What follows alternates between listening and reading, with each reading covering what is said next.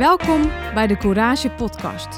De podcast waarin voormalig professioneel wielrenster Vera Koedoder op zoek gaat naar de verhalen achter de topprestatie. Met courage.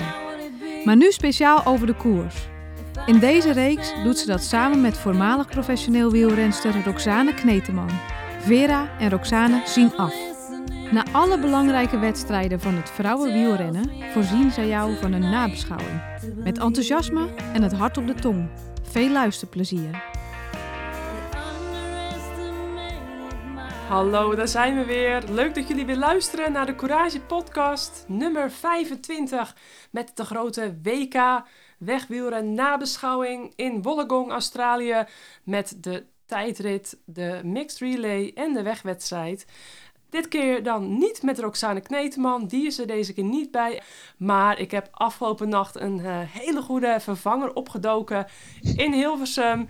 Uh, in het Eurosport commentaarhokje, waar we de WK wegwedstrijd uh, hebben verslagen van de junior vrouwen. Dus uh, welkom Tim de Vries. Dankjewel. Ja, een beetje een uh, reserve Roxane, maar dat is ook leuk. Ja, iets zwaardere stem, maar, uh, maar ik denk net zoveel verstand van wielrennen, want jij volgt het vrouwenwielrennen nou misschien nog wel meer dan op de voet. Al ja, best wel een geruime tijd voor Wielenflits, waar je dan de voorbeschouwingen vooral ook voor maakt. Hè. En um, sinds kort de nieuwe commentator voor Eurosport voor het vrouwenwielrennen. En uh, samen met, uh, met Andries uh, en echt, uh, denk ik, een hele mooie vuurdoop gehad afgelopen week al bij het WK Junioren. Op de tijdrit afgelopen dinsdag hebben wij die samen mogen verslaan voor Eurosport midden in de nacht. Tussen half twee en half vier was het? Uit mijn hoofd? Zoiets. Ja, het was midden ja. in de nacht. De tijd kon bijna niet slechter. En uh, afgelopen nacht uh, van vijf voor twaalf tot, tot kwart over twee zo'n beetje waren we bij de wegwedstrijd present. En um, het was hartstikke gezellig. Het was onze allereerste ontmoeting uh, afgelopen ja. week. Een bijzondere ontmoeting, want normaal gesproken dan is dat niet s'nachts... en dan is dat niet in een commentaarhokje van 2 bij 2 met zo weinig zuurstof. Maar de tijd vloog voorbij en het, uh, we hebben heel veel positieve reacties tot dusver gekregen... over onze uh, vuurdoop als, ja, als commentaarstel, kunnen we wel stellen... Uh, althans, toch? Uh, had jij mij, ja, zeker. Uh, ja, dus dat had ik vernomen van jou. En ik heb ook positieve reacties ontvangen. Dus nou, dat was wel leuk om te horen. En het was ook hartstikke leuk om te doen. De kampioenen van de toekomst, om die te mogen verslaan. Dus ja, uh, vandaar um, denk ik een hele fijne vervanging uh, gevonden voor deze WK-nabeschouwing. Natuurlijk een hele belangrijke podcast, want het WK is toch echt een van de hoogtepunten van het uh, wielerseizoen. Um, en dan als speciale gasten Marlen Reuser, de Zwitserse Europees kampioen tijdrijden en de kerstverse wereldkampioen team mixed relay, team, ja, team time trial, ploegentijdrit, hoe je het wil noemen. En dan nog Ine Bijen, ook nog, de Belgische uh, commentator voor Sportza. Dus uh, weer een, uh, een fantastische podcast uh, gaat het worden, hoop ik, met heel veel kennis en kunde van alle kanten. Dus Tim, als we eventjes nog kort vertellen over waar wij zelf helemaal ingedoken zijn afgelopen week. Want dat doen we normaal gesproken minder dan voor de elitevrouwen. Ik werd twee dagen voor de tijdrit ook gevraagd om de tijdrit met jou te doen. Uh, de wegwedstrijd stond al even langer op de planning. Maar uh, nou, dus toen, als de wie er weer gaat, ben ik ook daar even ingedoken. En um, ik vond het eigenlijk wel heel leuk om, uh, om me er helemaal in te verdiepen. we konden uiteindelijk niet alle feitjes en weetjes kwijt in de uitzending. Maar het was wel heel leuk om de, de jonge meiden aan het werk te zien. En ja, als we die nog even samenvatten, dat was de grote Ellen Baxter Show, hè? Wat we hebben gedaan. Ja, Zoe Backstead, uh, sorry, inderdaad. Ja, ja. So, sorry. Ja, de Zoe Backstead ja, haalt, Show. Ze lijken ook zoveel op elkaar, hè? Ja, ja de Zoe Backstead Show. Ja. Het was, uh, het was eigenlijk uh, bijna ongelooflijk. Het begon natuurlijk al met die tijdrit. nou ja, daar hadden wij allebei al het idee van... Nou, het zou fijn zijn als er toch iemand binnen de minuut eindigt. nou, dat, dat lukt wel eens bij lange na niet. Nee. Uh, wat was het verschil? 1 minuut 34 volgens mij uit mijn hoofd. Ja, volgens mij 1,35. Ja. ja. Bizar. Ja. En gelukkig wel uh, daarachter een hele grote groep met heel veel rensters die uh, gelukkig heel dicht bij elkaar uh, eindigden. Ja. Dus dat is dan wel weer een, wel weer een positieve. Ja, ja, dus eigenlijk de strijd voor plek 2 en 3 die was veel spannender dan de strijd voor de regenboogtrui. Ja. Nou ja, en dat veranderde eigenlijk niet bij de wegwedstrijd. Nee, we hoopten nog een paar rondjes toch een beetje onzekerheid of spanning te zien. Um, maar ook daar uh, ja, liet ze zien wie de aller, allerbeste is. En na de veldrittitel uh, en ook WK-baantitel al dit jaar... ook nu twee titels erbij toegevoegd op de tijdrit en de weg. En echt een, um, een hele bijzondere renster. Afwachten wat de toekomst gaat brengen natuurlijk. Maar ja, ze heeft al zo'n hoog niveau dat het bijna niet anders uh, kan, kan zijn dat ze ook gewoon bij de elite vrouwen al heel snel de overstap makkelijk gaat maken. En ja, het was. Um...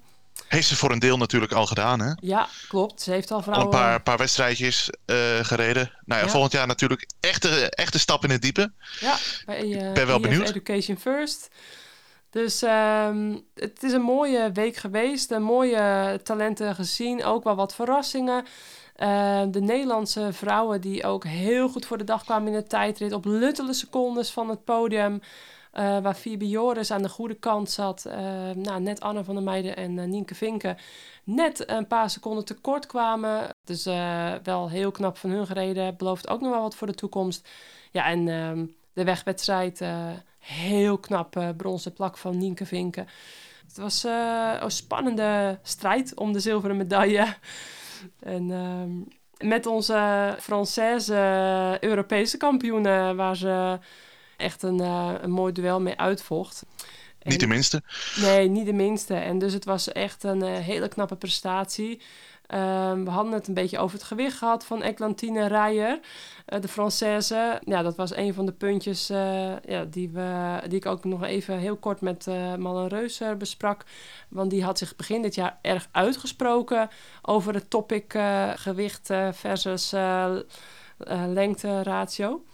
Dus um, dat was... Ja, die heeft daar waarschijnlijk een hele, hele scherpe mening over, Klopt. kan ik mij voorstellen. Ja, heeft zich over uitgesproken. Ik heb nog even, ja, toch wel complimenten gegeven ook aan Marlen. Uh, dat, dat ik dat knap vind dat ze haar bekendheid als, uh, als topwielrenster daarvoor gebruikt om die boodschap over te brengen aan de jonge rensters. Dan is het hopen ja, dat zij dus die boodschap oppikken om zo gezond mogelijk sport te creëren voor iedereen. En nou, als we dan toch over Mannen Reuser hebben, dan uh, laten we daar uh, even naar, uh, naartoe gaan. Mannen Reuser, hier komt ze. Hallo Mallen. Hi Vera. Hey, hello. So nice that, that we can speak with each other. You from Australia and me from the Netherlands. Ah, you're de- yeah, yeah, that's cool. It's good. It's good time slot. Yeah. For you, it's afternoon now, no? Yes, it's um, 14 uh, So uh, it's Yeah. for, for you it's really late, but um, it's a really good uh, connection actually via, via the, the telephone. But I don't have internet where I stay, so I'm outdoors and uh, the it's pretty cold. So and I'm tired. So if we can go bit fast, it Yeah, would be will. nice. But uh, it's fine. Yeah. yeah, yeah, yeah. Thanks for uh, for calling me. And uh, Yeah, no worries. Welkom in de Courage podcast. Stage winner of the Tour de France Femme, the European Champion Time Trial, third in the World Championships Time Trial last week, World Champion Mixed Relay with Swiss Cycling, and um, an amazing strong road race today. You must be really tired, I imagine, after this season.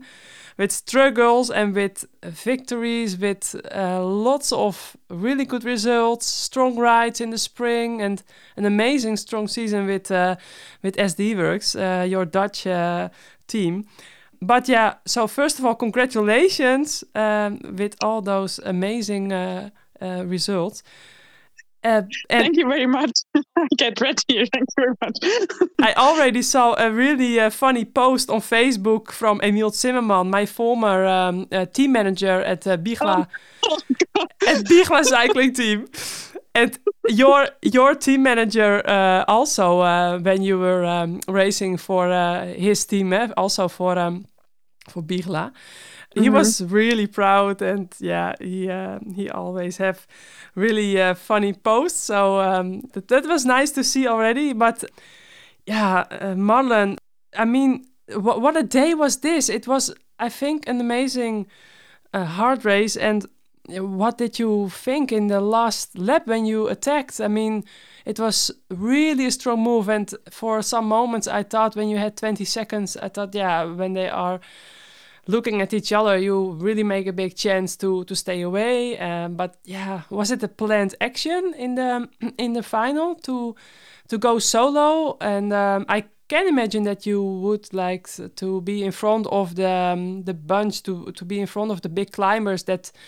Of course, uh, you could play the um, yeah the final with them um, towards the finish. But can you take us through that last one or two laps? No, I uh, actually I didn't think so far. I just like we our strategy was that Elise, who has really good legs at the moment and so strong, and it really fitted her the course, so she should just try to follow the best. Yeah.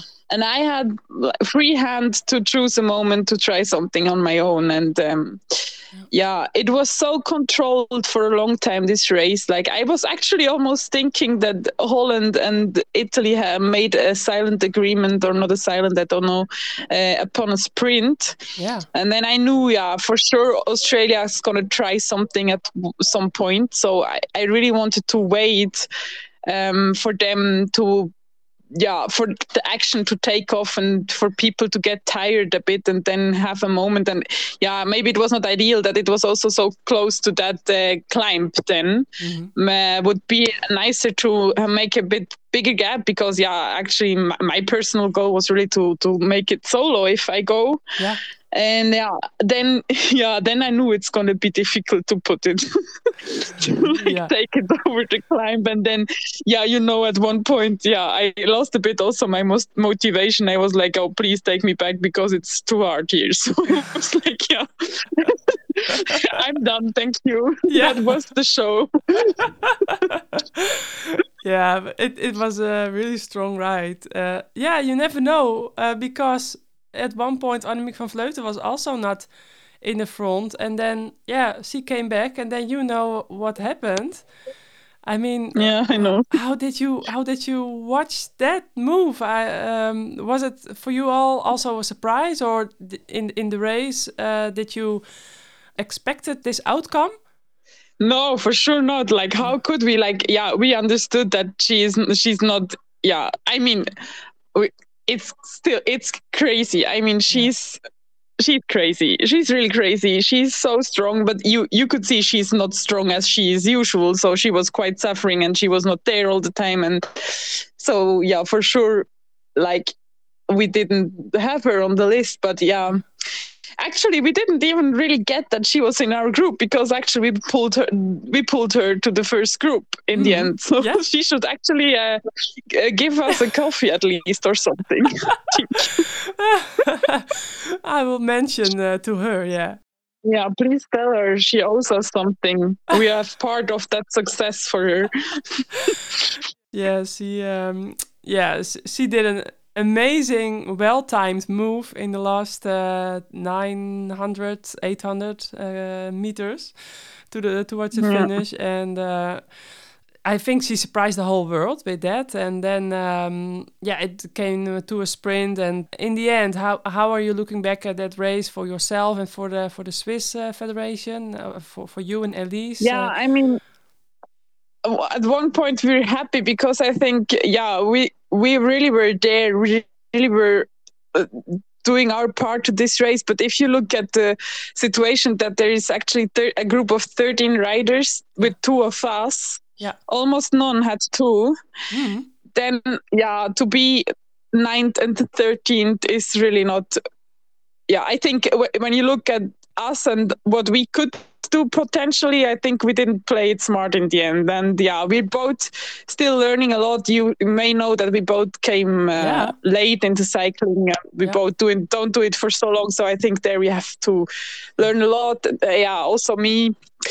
And yeah, uh, maybe in in some years in the same situation we go out with better better results. Yeah, I think so. I mean, um, I think you already learned a lot really fast in the last year. Yeah, and um, you came from really different sports without those tactics, which is uh, something you have to learn uh, in in yeah in more years. It's not easy uh, on this level, of course, of the World Championships. It's a, a really special race also, um, and yeah, I think uh, for for your uh, Swiss cycling, it's a really good result, and the mixed relay, which was amazing to see that that you took the the world title and uh, with those uh, results I think you can have a, a really good off season and yeah, I think we made a good job here yeah we're happy yeah and uh, and I did uh, the commentary uh, for Eurosport uh, during the the women's road race and then I also saw some Swiss girls um, for the future who are re- uh, Yeah. racing really um, strong. So uh, I think uh, Yeah. they have some really great results with you and Elise, uh, for example, uh, for the younger girls. So yeah, I hope uh, it will be a bright future also for them. Yeah, me too. It's very cool to see how fast uh, things go now in Switzerland with uh, women's cycling. That's really nice. Yeah, and then in a couple of weeks, uh, the Tour de Romandie, three day Yeah. state race. Are you also uh, there to to race with the SD Works? Yeah. Yeah, we are. And also Ellie's like, yeah, we are all racing and uh, we just said we need to keep training for this. I think one one stage, yeah, one stage has a 25 kilometer climb uh, ending on over 2000 meter. Oh, not really, So really your cup of tea. yeah it's gonna be uh, yeah so tomorrow we actually plan to go to sydney by bike and back so we're gonna have um 160k ride uh, tomorrow No, you're we kidding. decided there's a funny thing to do if we're here So you and Elise are doing that? That uh Yeah. Wow. Okay. maybe you- Lotte is joining in also maybe who is joining? she's not sure yet it depends Lo- Lotte Kopecky she, Oh. it depends on the development of her evening Oh, 160k. Oh, Yeah. after the 167k today. Okay, uh, so um, already, uh, yeah, that, that's already a good training for uh, Tour de Romandie, maybe. But wow, that's a good after party. Uh, maybe after a Yeah. short night's sleep. So, um, nah, it it probably will be a fun day on the bike and uh, with some uh, cake and uh, yeah, and some celebration yeah of her yeah yeah medal. yeah So, uh, Yeah. wow. and helps to watch the men's race for sure Ah, you will watch the men's race too. That will be cool. Yeah, we also want to watch some of the men's race, so we have to make some stops. Yeah. cool, Marlon. So um, Yeah. I will uh, not uh, take too much time anymore from you because it's late and it's busy. And um, of course, I'm not the only one uh, who wants to speak with you. I, I can imagine. And I uh, I hope uh, next year or maybe in the winter we can speak a bit more about your season and your goals and uh, yeah your um, yeah your life uh, outside of cycling, which is really interesting and your um, your sustainability thoughts and your message towards the the sport in general. With um, in in Holland we say BMI, so the rate between the yeah, um, we say the same. so, okay, Yeah. that's easy.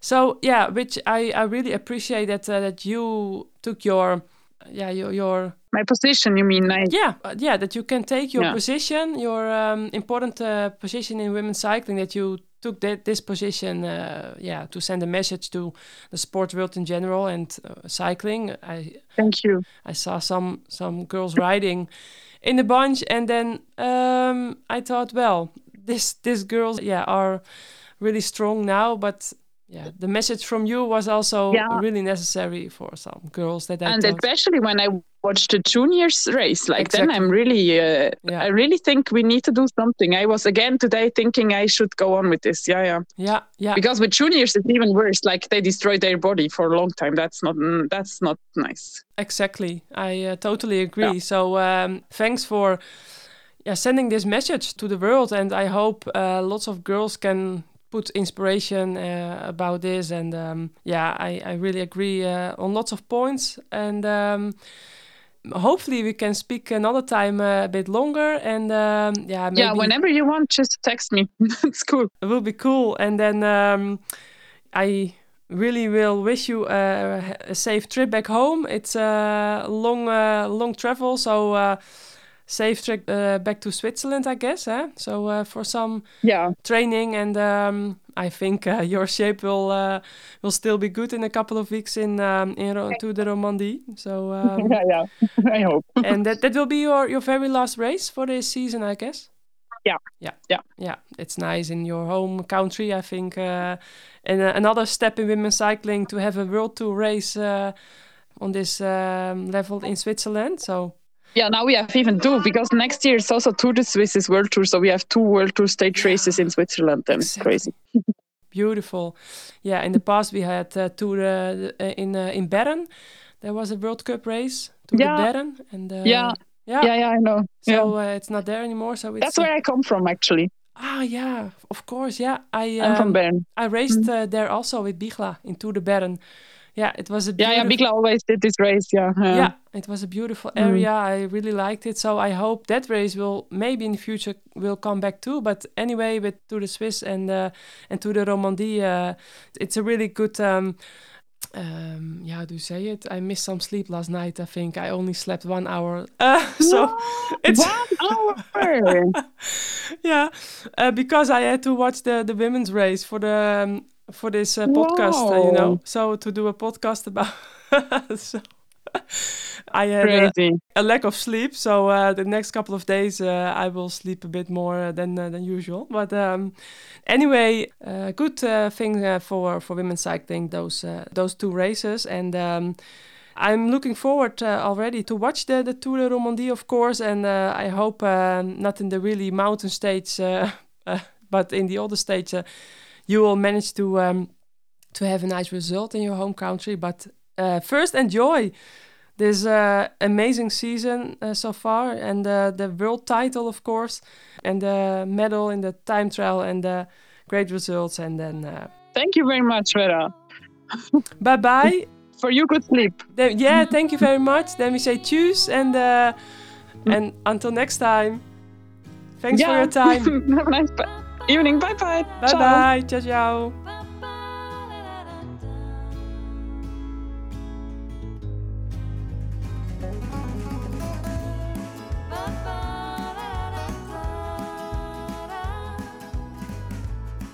Ja, het was eh, veel leuk om haar eh, te spreken. En ehm, we hebben ook een aantal goede Zwitserse rensters nog wel gezien. Dus eh, dat belooft ook nog wel wat voor de toekomst. Ze zijn best wel goed bezig bij Swiss Cycling. Noelle Rucci, die werd dan 11e in de wegwedstrijd. Ehm, ja, die, die sprint eigenlijk voor plek 4. Achter Nienke Vinken en Eglantine Rijer. Daar zaten ze kort achter. Maar toch wel mooi om te zien dat, dat er nog wat aan was is. Ook nog Fiona Zimmerman. Die eh, best een eh, knappe wedstrijd reed. Want eh, de aanwas was de laatste jaren best heel smal daar. Dus nou ja, ehm, ja we hopen natuurlijk zoveel mogelijk rensters weer te kunnen krijgen. Ook na Malle Reuser en Elise Tjabé. Maar um, ja, wat, wat vind jij zelf van, uh, van Malle Reuser? Als we even over haar gaan hebben als, als renster. Ze, zit nog niet zo heel lang bij de absolute top van het vrouwenwielrennen. Hoe kijk jij naar haar als renster? Ja, ik vind het een enorm intrigerende persoon, moet ik eerlijk zeggen. Ja. Het, ja, ze kwam een beetje als uh, een, beetje een vreemde eet in, in de bijt. Uh, kwam ze toen bij die, uh, volgens mij die Europese Spelen daar in Minsk, kwam ze voor het eerst bovendrijven. Ja, klopt. Dat we, dat we echt het idee hadden van, goh, wat is dat voor een mens? En ik moet zeggen, daar, ja, ik moet er ook wel heel ontzettend veel respect voor opbrengen. Want het is echt ongelooflijk. Want nou, dat is een beetje het thema waar, waarin ze zit. Als ze ergens voor gaat, dan gaat ze er echt volle bak voor. Want volgens mij heeft ze in de, in de politiek gezeten bij de jonge Groenen. Ja. Uh, ze spe, speelde viool en nou ja, spe, ze deed echt van alles. Was, was uh, afgestudeerd arts, volgens mij ook, hè? Klopt. Ja, en uh, ja, nu dat fietsen, dat doet ze eigenlijk op eenzelfde manier. Volle overgave. Ja. En uh, vol aandacht voor de grootste details. Ja, ik ja. ik ben er wel weg van, van zo'n renster. Ja, vorig jaar ook een podcastje met haar opgenomen. Toen zij op dat moment leidster was in de CIMAC Ladies Tour. Was echt een heel leuk, spontaan gesprek. Ik denk dat zij heel erg wel zichzelf is. Een hele vrolijke noot altijd met interviews en een hele leuke verschijning. Ik ben wel echt een fan van haar als, ja, als mens. Niet per se als wielrenster, maar echt als mens. En hoe zij dus haar bekendheid gebruikt, dat vind ik echt de, de topsporter uh, sieren. Dus het was heel leuk dat ik haar ook weer eventjes uh, tussen neus en lippen door te pakken kon krijgen. Uh, ze is heel toegankelijk en een voorbeeld voor velen. Dus uh, heb jij verder uh, nog, um, nog nabranders over de junior vrouwenwedstrijd? Uh, over bepaalde zaken die jou erg zijn opgevallen? Ik, ja, ik kan me zo voorstellen dat er nog iets te binnen is geschoten na de uitzending. Want ja. mijn hoofd duizelde nog wel van... oh ja, en dit was ook nog wel leuk om te vertellen. En die, dit en dat en over die rensen. Maar dat had jij vast ook. Dus brand daar nog ja, maar even over los. We hebben zoveel, zoveel feitjes gehad die we van tevoren hebben opgezocht. Ja. En het idee hadden van, nou, dat gaan we lekker uitgebreid uh, twee, tweeënhalf uur behandelen. Uh, uh, nou, ik zal u zeggen, 90% is er niet van gekomen. Nee. En gelukkig maar. Het, we hebben het wel gewoon, nou, nou, ik denk, als we dat van onszelf mogen zeggen, best redelijk gedaan. Ja. Um, de, de voornaamste nabrander is de dame die op nummer 5 eindigde. Maho Kakita, eigenlijk een beetje mijn favoriet van, uh, van de week. Ja. Eigenlijk nog nooit gezien in uh, Europa. Heeft het wel, wel goed gedaan bij de Aziatische baankampioenschappen. Uh, waar ze volgens mij twee of drie titels pakte. Ehm, maar die tijdrit die race al fantastisch eigenlijk. Ja, leuk. Ehm, e-, eerste tijdrit bij, bij deze, tussen deze vrouwen. En ja, de wegwedstrijd gewoon even de sprint winnen voor, uh, voor plaats 5. Dat vind ik echt heel gaaf. Ja, ja was, dat was echt heel opvallend leuk om te zien, klopt. En ik zou echt, eh, ja, als er één ploegen is, uh, van uh, investeren in haar. Want dat ja. is wel, uh, zou wel heel leuk zijn om ja. wat meer nou, diversiteit er ook in te krijgen. Klopt, bij deze een oproepje voor Maho Kita, als ze nog een ploeg heeft. Nou, werp je op als, als team, eventueel. Ja. Als eerstejaars, hè? Ja, ze is eerstejaars. Dus uh, nou ja, er luisteren vast uh, mensen van ploegen of die kunnen doorgeven. Nou, het zal leuk zijn. En ja, wat ik dus ook nog even achteraf hoorde was dat... Um, ja, last but not least, uh, het uh, punt dat de start was natuurlijk om 8 uur s ochtends. en ja. vanmorgen voor de junior vrouwen omdat dan de elite vrouwen daarna ook nog gingen starten. En daar wilden ze denk ik heel ruim de tijd tussen hebben. Enfin, er waren redenen voor, maar... Ja, ja en de uh, bobo's moesten nog weer terug uh, naar de startplaats natuurlijk, denk ik. Ja, dat soort dingen. Uh, ja. Nou, um, niet optimaal. Ik denk dat, dat je toch ten alle tijden moet, moet zoeken naar de mogelijkheid... dat ja, ten vroegste 9 uur een starttijd is voor een WK. Maar de junior vrouwen waren ook behoorlijk laat bij de start. En ik hoorde dat ze vijf minuutjes hadden kunnen infietsen. Nou, dus dan denk ik van, dat was ook wel jammer, als je het mij vraagt. Ja. Hè, dan, uh, dan is het natuurlijk heel vroeg, maar dan zorg dan dat je op zijn minst 20 minuutjes op de... Er waren geen rollers mee, het was koud, het was regenachtig. Um, niet echt optimaal. Dus wat dat betreft, nee. des te knapper dat, uh, dat we nog brons hebben behaald met Nienke Vinken. Maar ja, goed, een, een Mere Knaven die ver beneden haar kunnen presteren... omdat ze erg last had van haar astma-aanval... Dat was heel zonde. En dan helpt denk ik zo'n gebrekkige uh, warming-up ook niet mee. Als je vanaf nee. start af aan eigenlijk 67 kilometer gaat knallen. Dus um, het kan nog altijd ook, zelfs voor een, uh, een bond als Nederland, nog beter. Maar positief punt, een hele sterke wedstrijd gereden uh, van de meeste junior vrouwen. En uh, als we dan nog even de uitslag erbij pakken, dan was dat dan Bakstedt voor uh, Reyer, Vinke, Pellegrini, Kakita, waar we het net over hadden, Mul, Kopecki, uh, Chiabocco, Van Sinai, de Belgische, eerste Belgische en Rigaud. Nou ja, en dan de Zwitserse Rutschki op plek 11 en Fleur Moors, de Belgische nog twaalfde.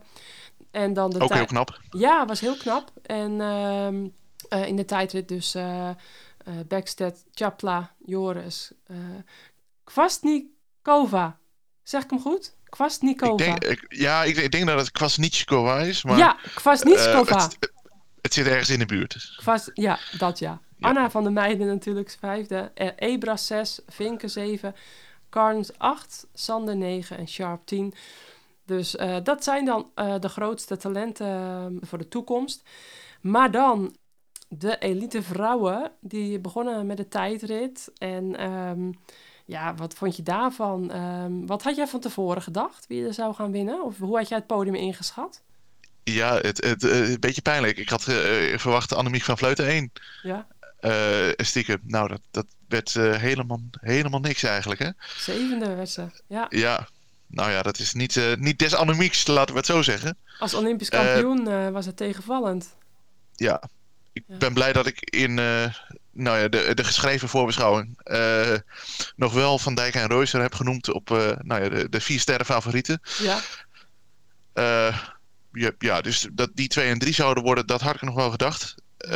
wel mooi dat eigenlijk ook Brown zich daar dan tussen ja. weet te fietsen. Ja. Ja, Ellen van Dijk, uh, die dus uh, echt een fantastische tijdrit reed. En die ik wel had voorspeld in de vorige podcast bij de voorspellingen.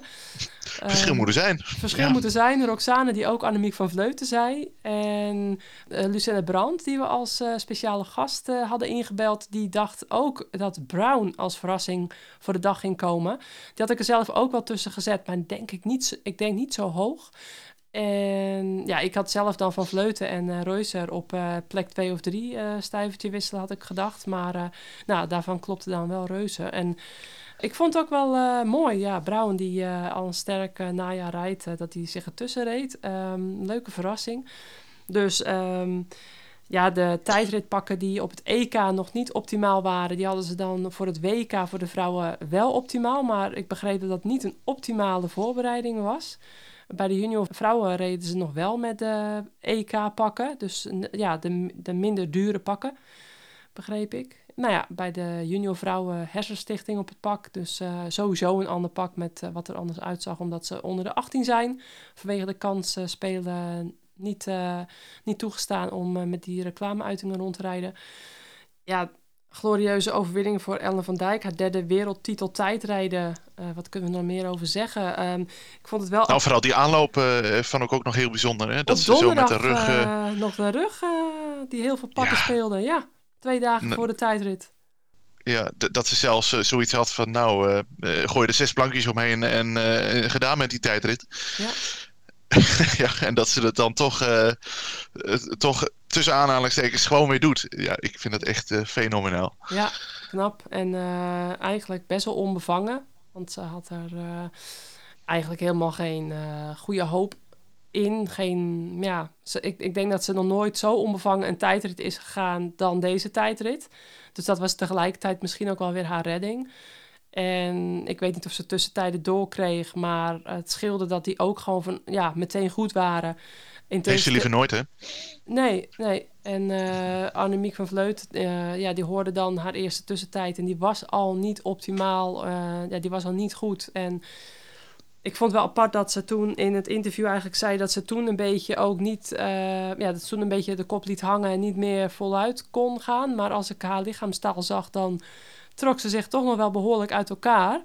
Uh, dus dat vond ik een beetje tegenstrijdig. Maar uh, misschien heb ik dat verkeerd gezien. Maar het, uh, het was in ieder geval ehm, niet wat het was. Maar ik denk ook, zij heeft het hele jaar heel weinig tijdritten gereden. Geen Nederlands kampioenschap, geen Europees kampioenschap. Wat toch wel twee belangrijke meetmomenten zijn. Dus misschien lag het ook wel daaraan dat ze ja, de laatste tijd dan wel veel op de tijdritfiets getraind heeft. Maar eigenlijk over het algemeen genomen de rest van het jaar denk ik een stuk minder in tegenstelling tot uh, vorig jaar voor de Olympische ja. Spelen. Dus dat zal misschien een factor zijn waardoor het tegenviel. Ze gaf wel aan dat ze heel erg uh, zich ja, wel in vorm voelde. Nou, dat, dat bleek ook wel. Ja, nou ja, ze heeft één tijdritje gereden hè, dit jaar. Dat was die uh, uh, 4,75 kilometer in de Giro. Ja. Nou, nou ja, dat zet geen, uh, geen zo, zoden aan de dijk. Nee, precies. Dus, en er waren al zo weinig tijdritten dat iedere tijdrit denk ik uh, wel cruciaal uh, was.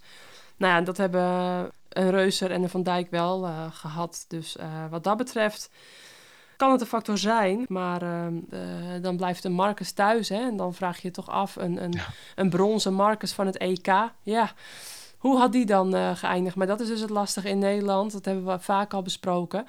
Ja, dat zullen we dus nooit weten. Maar Nee. eh, Nou ja, zeker omdat eh Shirin er natuurlijk ook nog tussen kwam fietsen hè, Ja. voor eh, de onder 23. ja, die hingen er een beetje bij, hè? De onder 23 eh, categorie. Wat we van tevoren al vreesden, Ja. gebeurde denk ik ook. Dat ehm, ook met de huldigingen en de interviews en al dat soort zaken.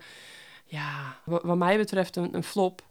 De onder 23 categorie tijdens de elite vrouwen verrijden. Met een gedevalueerd veld. Ja, het... het ehm, Nou ja, bij een tijdrit denk ik nog van Allah. Ja. eh, je start achter elkaar en eh, dat is dan nog niet het grootste probleem. Maar ja, in zo'n wegrit. eh, Ja. ja. dat had voor mij ook niet, eh, niet gemogen. Nee. nee, en in de tijdrit pakte Shirin ook een plek, net als in andere landen. Dan eh, niet dat Shirin, die verdiende hem ook. Want ze was ook gewoon Europees kampioen tijdrijden eh, belofte en tweede op het NK. Maar normaal gesproken, dan, eh, ja, dan pakt zo'n jonge renster toch een plek van een elite renster. In andere landen in dit geval. En ja, dat, dat moet je gewoon niet willen, denk ik, als UCI. Dus eh, we moeten nog een paar jaar wachten, toch, Tim? Eh, nog eh, tot en met 2026? Volgens mij 2025 eh, 25. hebben we de eerste onder 23 wegrit. Maar ja, goed, eh, en met de UCI weet je dat nooit. Nee. En dan ook Ik- tijdrit in 2025? Eh, als het goed is wel. Oké. Ja. Nou, Ja. fijn. Dus nog Je bent er dan toch, hè? een paar jaartjes doorbijten op dit vlak. Ja. En dan...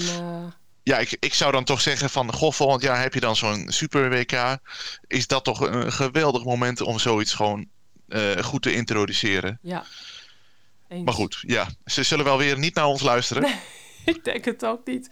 Nou, misschien kunnen we een keer... eh, ja, een keer een open brief sturen. Nou, Nou ja, misschien kunnen ploegen dat eh, samen doen. Nou, dat, eh, daar zijn vast... of de Cyclist Alliance of dat soort instanties. Misschien... hebben die nog enige invloed? Al betwijfel ik het toch. Als ik de laatste ontwikkeling een beetje heb gevolgd, dan, ehm, dan vrees ik ook daarvoor. Dus toch maar een beetje geduld nog houden dan. Eh, er is in ieder geval een positief vooruitzicht op dat gebied. Ja. Maar goed, als we nog eventjes eh, gaan kijken naar die top 10 van de tijdrit. eh, want heel veel meer hebben we daar niet over te zeggen, denk ik. Nou, dat was natuurlijk Ellen van Dijk met 12 secondjes voor Grace Brown. En dan 41 seconden voor Marlon Reuser. Het was een lange tijdrit. Dus op zich, hè, het was 34,2 kilometer, vond ik die verschillen nog meevallen. Op zo'n lange lengte genomen. Dan eh, vooral Grace Brown op 12 seconden. Eh, die was op het tweede deel trouwens een heel stuk nog eh, teruggekomen. Had een heel sterk tweede deel.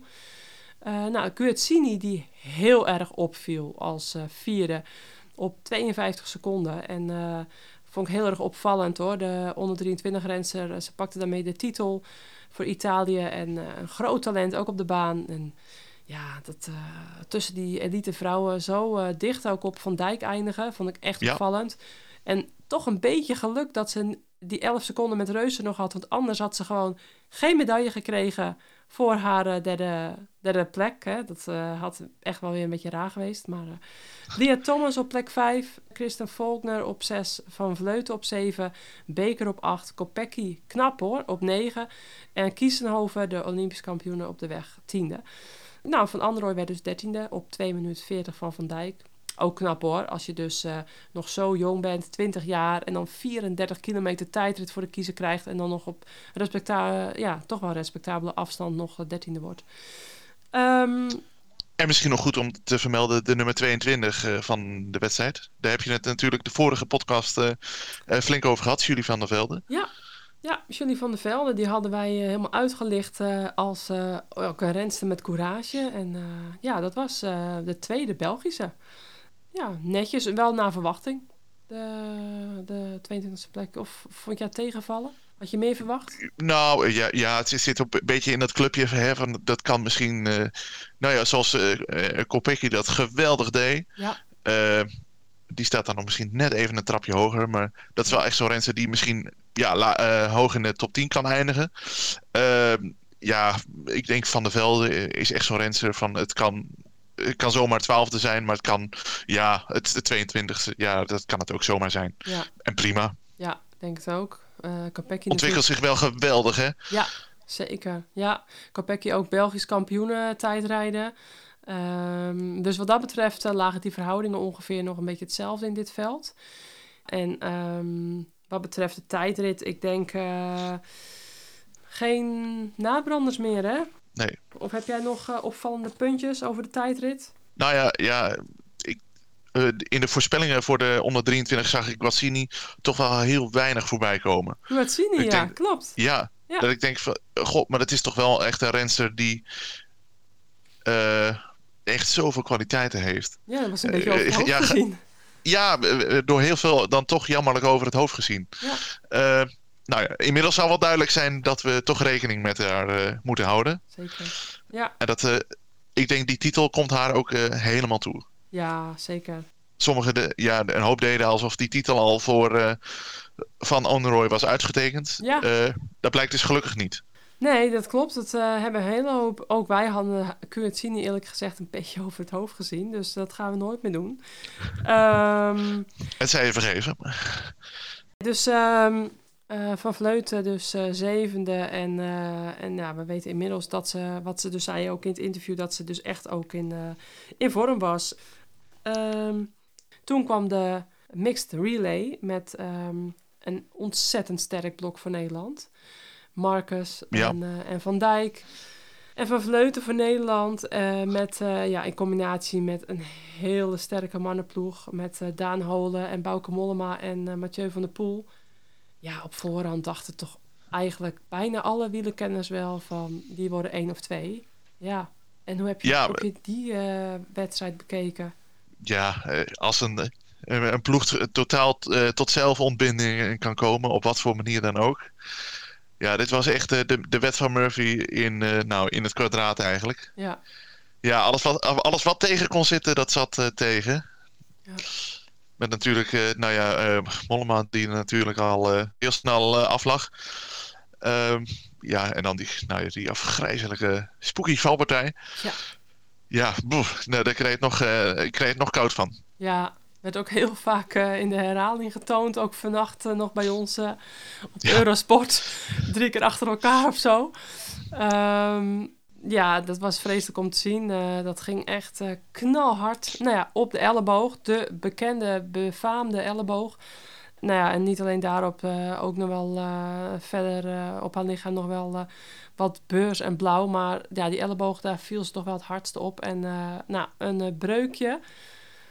Uh, gescheurd. Ja, um, wel een gunstige breuk. Nou, en toen had de dokter gezegd ja. succes. Um, ik heb wel eens van mensen gehoord die een elleboog hebben gebroken, dat die dan uh, mij zeiden van, dat, toen kon ik er helemaal niks mee. Maar goed, de ene elleboog is de andere elleboog niet. Nee. Ja, um, en de ene mens is ook de andere mens het niet. Het andere mens niet. Nee. Wat dus bizar was, dat ze dus vijfde werden op 52 seconden van uh, de winnaars Zwitserland ja, hadden ze al die pech niet gehad hè, met de ketting die er bij Mollema afging uh, en de, de valpartij van Van Vleuten, dan hadden ze denk ik dik gewonnen. Want 52 seconden op Zwitserland met twee keer twee re renners, rensters, dat is toch wel echt bizar knap. Uh, ja. Van der Poel die ook gewoon zichzelf nog helemaal uit elkaar trok als laatste test voor de wegwedstrijd. Dus die het ook uh, ja, nadat Mollema er vroeger af moest, uh, niet, niet, niet lopen. Ja, en, en Marcus en, en Van Dijk die ook gewoon een uh, fikse koppeltijdrit even goed ervan hadden gemaakt. Het was natuurlijk niet super lang, hè, twee keer 14 kilometer, maar wel enorm. Moet het toch maar even doen. Ja. Eigenlijk gewoon hartstikke knap dat ze vijfde werden. Ja, ja um, het sla slaat eigenlijk helemaal nergens op dat ze echt nog vijfde worden. Nee, voor Denemarken, uh... Frankrijk, België, ja. Polen, Spanje. Nou. Dus wat dat betreft, zonde dat er toch wel een zekere medaille daarmee verloren is gegaan. En, uh, en toen natuurlijk uh, ja, heel veel onzekerheid voor uh, Annemiek Vervleuten en de Nederlandse ploeg. Uh, als ik nog even snel de, de, top uh, 10 opnoem, dat was dan Zwitserland. Nou, voor dus Italië. Drie secondjes kwam Italië tekort. Was heel spannend. Uh, met supersterke ploeg die voor, uh, voor velen de topfavoriet ook was met Nederland. Australië met een hele sterke ploeg, uh, derde op 38 seconden. En dan Duitsland, Nederland dus. Denemarken, die dan zes secondjes achter Nederland zat. Frankrijk, België, Polen en Spanje. Wat vind je van dit onderdeel? een, een blijvertje of wil jij gewoon graag weer die ploegentijdrit voor merkenteams terug? Ik, eh, ik merk dat het een beetje een onpopulaire mening is, maar ik vind het wel leuk eigenlijk. Ja? Nee. Ja, ja het, is, het is een beetje het, eh, het Olympische gevoel krijg ik er wel van. En Ja. ja, ik, ik ben er wel. Ik, ik vind het wel leuk. Ja. Ja, p- ploegtijdrit eh, vind ik ook fantastisch, maar eh, ja, nou, prima. Ja, nee, mooi. Misschien in de toekomst allebei. Gewoon een ploegentijdrit van merkenteams, mannen en vrouwen apart. En dan eh, dit. Ik bedoel, met zwemmen, hoeveel afstanden hebben ze daar wel niet? en eh, met atletiek. Dus eh, ja, misschien, nou, we hopen, tenminste, ik hoop dat. Ehm, ja, en als we dan naar de wegwedstrijd gaan, dat was. ja, wat hebben we gezien? Wat, wat, wat was het? Ehm, Ja. Nou ja, misschien allereerst handig om te zeggen hoe we gekeken hebben. We hadden er, eh, daarvoor natuurlijk eh, een paar uur lang in een veel te warm eh, hockey in Hilversum gezeten. Ja, we kwamen helemaal gekookt uit. Ja, Dan luchthappend, als vis Ja. op bedrogen. precies. Ja. En eh, nou ja, daar kwamen we dus Mm. gekookt uit. En nou ja, dan gaan we ieder onze eigen weg gaan we naar huis. En dan gaan we kijken. Toch nog een beetje, nou, een, klein, een klein beetje de- delirium wat er dan toch wel in zit. Ja. Ja, het eerste deel van de wedstrijd, eh, er gebeurde wel wat, maar ik vond het niet echt heel boeiend. Nee. Eh, heeft natuurlijk ook te maken met, eh, nou ja, de elleboog. Want anders hadden we natuurlijk donder op kunnen zeggen dat die versnelling er ging komen op Mount Kira. Ja, dat was het plan, hè? 125 Ja. kilometer solo was het plan. Het grote plan tot, tot woensdag. En in totaal 170 kilometer, inclusief neutralisatie. Ehm, 129 renners van start. Niet een super groot peloton, maar wel een heel sterk peloton. eh, met heel veel topfavorieten. En dan eh, moest Mount Kira het dan voor Annemiek eh, gaan doen. Ze wilde een ehm Harrogate 2.0 eh, uit de mouw schudden. Maar ja, inderdaad, dat, dat, Dat kwam- was, ja, dat was iets van 104 kilometer. Ja. En nu was het plan 100, eh, 128 of zo. Hè? Ja, Ja. ja, ja. En wat ik dus wel heel erg leuk vond, we hadden voor de vorige podcast eh, een aantal rensters uitgelicht met Courage, die eventueel de WK-wedstrijd voor vrouwen eh, konden kleuren. En dat gebeurde dus ook. We hadden allereerst dan eh, Hartman als allereerste die solo ging. Maar toen kwam Clarisse Verhulst, de Française met de Nederlandse achternaam, die solo eh er vandoor ging. En dus inderdaad de koers kleurde. En eh, Mount Kira eh, ja, deed haar de das om en daar werd ze dan gegrepen. En vervolgens ging een andere renster die, eh, die wij hadden uitgelicht, Julie van der Velde, eh, de Belgische, die eh, samen met eh, de zus van Zoe Bakstedt, Eleanor Bakstedt, er vandoor ging. Samen met ook Carolina Andersson, de Zweedse. Ja, dus dat vond ik ook wel heel toepasselijk dat, Ja. dat, dat we die vorige podcast uitgelicht hadden. Eh, vervolgens eh Caroline Andersen die gegrepen werd op de Mount Pleasant de tweede keer. En eh Cecchini die nou, de sprong maakte naar deze kopgroep. En toen uiteindelijk na Mount Kira op 54 kilometer voor de finish werden ze toen teruggepakt. Nou, en toen ging de koers echt los, hè? Denk ik. Ja. ja, we kregen nog een uh, intermezzootje met uh, Kern, de Sloveense. Oh ja. Ook Uh, solo. en, en, toen zagen we eigenlijk al um, dat Elisa Balsamo, de titelverdedigster, het hartstikke lastig had. Ja. Uh, ja, het, toch wel een van de dames die, nou ja, vanwege haar krankzinnig sterke seizoen toch wel opgeschreven had. Ja. Van je weet het nooit met haar. En omdat ze in de Vuelta natuurlijk ook al uh, behoorlijk in orde was. Ja. Uh, nou, het was niet haar dag. Nee, nee dat was jammer. Uh, ik denk dat ze in Italië ook wel wat meer op haar hadden gerekend. Maar um, ja, toch natuurlijk een hele sterke Elisa Longoborghini gezien. Dus op zich, ja, Italië was in de breedte gewoon wel weer sterk. Maar ja, het was wel echt een grote pion die uh, te vroeg wegviel. Dus dat uh, was voor Italië wel uh, ja, flinke domper. Maar ja, uh, wat kunnen we er nog meer over zeggen? Vertrokken met een heel mooi zonnetje. In de finale heel veel mooie regenbogen gezien. Ik denk dat er prachtige plaatjes uh, geschoten zijn van het peloton met de regenboog. En vast ook wel van Annemiek. Uh, er was echt een hele lange tijd waar er allemaal mooie regenbogen waren. Mooie, mooie beelden toch wel. En, Zeker. ja, wel toepasselijk. Um, nou, vooral, vooral die hellinkjes, uh, die waren toch wel uh, spectaculair, uh, denk ik. Ja. En vooral dat we daar echt vijf nou, rensters er toch bovenuit zagen steken. Ja, Molman Eh, ook. Ja, Moelman, eh, nou eigenlijk nou, niet helemaal verwacht dat ze zo sterk weer zou zijn. Eh Cecilie Oetrop-Ludwig, die daarna ja, echt een beetje een bloedzuiger speelde. Ja, Ja, het lijkt me vreselijk irritant om Ja. daar tegen te rijden. Eh, nou, het had ook geen resultaat uiteindelijk. Dus wat dat betreft eh, had ze nou maar een paar keer meegetrapt. ja, Eh, Elisa Longo-Bocchini, keurig in orde. ja. Ja, niet Nieuwe Doma, eh, Ja. dat, dat kunnen we van tevoren uittekenen. Ja. Eh, ik denk misschien wel de sterkste in koers, Liana Lippert. Ja, dat denk ik ook. Ja, Oeh, die heeft even flink aan de boom ge- gerammeld, hè? zo. Ja, ja, dat was echt eh, heel knap hoor. Zo'n jonge renster en zo in de, in de diepe finale eh, de koers kleuren en bepalen. Was enorm knap. En ehm, Volgend jaar eh Movistar natuurlijk, hè? ja, klopt. Wordt ploeggenootje van, van Vleuten, net als Floortje Makai ook. Ehm, Hebben ze een mooie, hebben ze een mooie opvolger aan voor het eh, zware heuvelwerk? Ja, dat denk ik ook wel. Want eh, die was echt eh, nou gewoon de beste berg op, denk ik, vandaag. Wat nog wel ook een issue'tje was, ehm, dat Annemiek in een tijdritpak van start ging. Vervolgens na een minuut of twintig bij de jury werd geroepen. Vervolgens dus met Loes Gunnewijk in gesprek ging, de bondscoach. En ehm, ja, dat is toch wel bizar dat, dat, dat, dat zij dus in een oranje snelpak rijdt.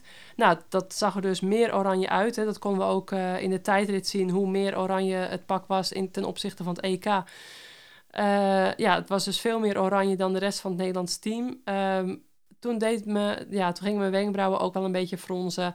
Dat ik dacht van, ehm, ja, eigenlijk had je dat wel een beetje kunnen weten. Want het is ehm, eigenlijk wel algemeen bekend dat je als team hetzelfde tenue moet dragen. Dus dan moet je of allemaal, denk ik, in het oranje snelpak, of allemaal gewoon in het witte tenue. Dus eh, ja, daar kan geen verschil tussen zitten. En ik snap eigenlijk de UCI wel dat ze dat ook, ja, hadden ze beter even voor de start kunnen doen. Maar misschien had Ja. Annemiek toen nog last minute een jasje aan. Dat, eh, dat denk ik. Dat heb ik niet gezien, maar ik heb de start niet gezien. Dus eh, misschien dat ze echt het allerlaatste moment haar jas uittrok.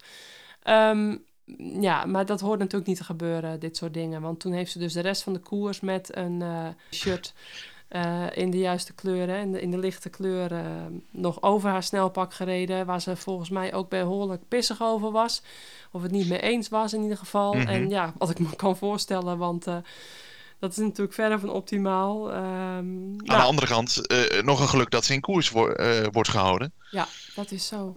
Ja. Zoals je dat zegt, van ja, je, je kan het weten. En nou Ja. we, we kennen, de, we kennen soms eh, de beslissingen van eh, de jury. Die zijn eh, soms wel heel rigoureus. Klopt. Ja, daar zeg je wat. Anders hadden we een hele andere uitslag gehad. Maar goed, er lag dus gelukkig nog een shirtje in de auto.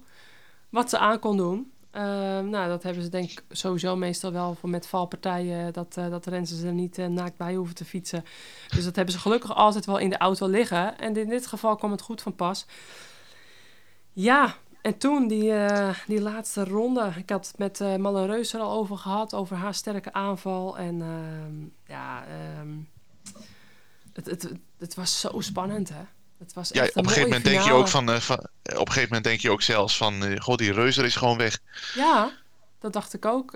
Al had ze, wat zij zelf ook zei, al had ze wat eerder nog weggegaan en ze had nog iets meer de ruimte gekregen, dan had ik haar hele grote kansen gegeven ook om het echt te redden. Maar ja, dat, dat, de Mount Pleasant was eh, toch te zwaar voor haar en eh, toen moest ze zelfs nog even passen ook. En eh, kwam ze uiteindelijk wel weer terug van voren. Maar eh, ja, wel, ik had het haar ook heel erg gegund. nadat ze ja, in de tijdrit iets teleurstelde voor zichzelf. Natuurlijk voor die wereldtitel ging. En zo'n sterk seizoen gereden dat zij zeker ook die trui had verdiend met haar aanvalslust. Maar goed, je krijgt niks cadeau op een WK. En ehm, ja, de, gewoon de, de topfavorieten kwamen er overheen denderen wat betreft het, het klimmen. Dus met Moman, Borghini en uh, Nieuwe Doma, Ludwig en Lippert. Ja, en toen... Pff, er gebeurde zoveel. Uiteindelijk wist dus Annemiek van Vleuten nog in extremis terug te komen van voor. Het was een soort van zoete melkactie. Als 39-jarige in, uh, op 8 oktober wordt ze 40 Eh, ze pakt het record van Zoetemelk uh, met haar wereldtitel over. Want die was dus 38, uh, 38 jaar. Dat de oudste wereldkampioen ooit. Nou, dat is nu dus van Vleuten. Um, ja, erop en erover. Soort van, ze, ze, ze had het perfecte moment. Uh, Moman op kop van het, uh, ja, van het, het, het, het kopgroepje, zeg maar. En uh, ja. ja. die niet reageert. De rest die ook allemaal niet reageert. Want iedereen die reageert, zou reageren, die deed eigenlijk haar sprint de das om. Kopecky daarom ook niet gereageerd. En ehm, ja, het was echt een fantastische timing. En echt een, een bizar beeld dat, dat zij daar met, die, met die elleboog in het verband voorbij denderde. En het gewoon haalde, wat ze dus zelf ook niet had verwacht. Zij had zelf ook verwacht dat, uh, ja, dat, dat alle, eigenlijk de hele groep over haar heen kwam denderen. Maar zonder, zonder het overwinningsgebaar gewoon uh, over de streep heen reed. Ja, het, twee meter na de finish wel even een metertje uitzetten. Ja. Dat vond ik, uh, vond ik een heel curieus beeld. Ja, ja. Dat je denkt van nou, dan kun je ook uh, misschien nog een hand in de lucht steken, maar goed. Ja, ja, ja, maar ja. misschien dacht ze toch dat er nog een kiezenhoverachtig figuur voorreed. Hè? Ik weet niet wat er door haar hoofd ging, maar op de Olympische Spelen juichte ze natuurlijk wel uitgebreid. En toen ja. Kiezenhoven nog daar. En omdat ze dus vanuit, hè, van achteruit kwam denk ik dat zij oprecht niet wist dat ze, ehm, dat ze als nummer 1 over de streep kwam. Want anders kan ik me niet voorstellen dat je dan niet even één arm, hè, je goede arm de lucht insteekt. Ongeloof?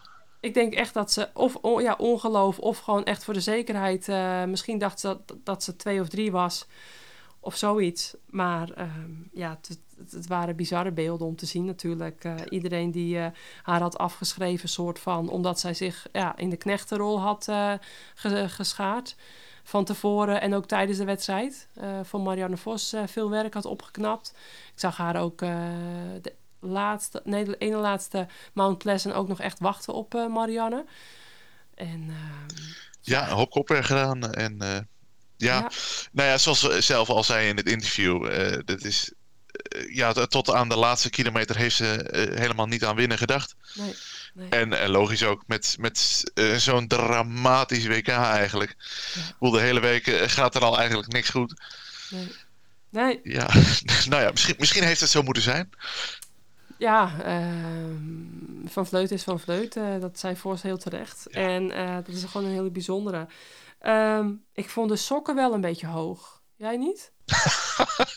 ik dacht echt, mag dat? Ik dacht eerst natuurlijk het shirt, dat ze door de UCI nog ja, werd toegelaten God, ja. in de wedstrijd, even goed.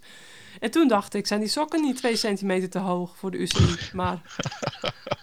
ja, nou, daar is gelukkig niks aan gebeurd. Nee, maar uh, er was volgens mij een sokregel. Ik, misschien ja, is die inmiddels weer afgeschaft hoor. Zou kunnen, daar ben ik niet genoeg van op de hoogte ja, wat kunnen we verder nog uh, over de wegwedstrijd kwijt? Dat, um... Nou, ik had wel het idee van het, het, het is misschien een niet heel erg memorabel kampioenschap. Tot aan de laatste kilometer. Ja. ja. Dat, was, dat, dat is echt zo'n actie dat, waardoor je ineens denkt van...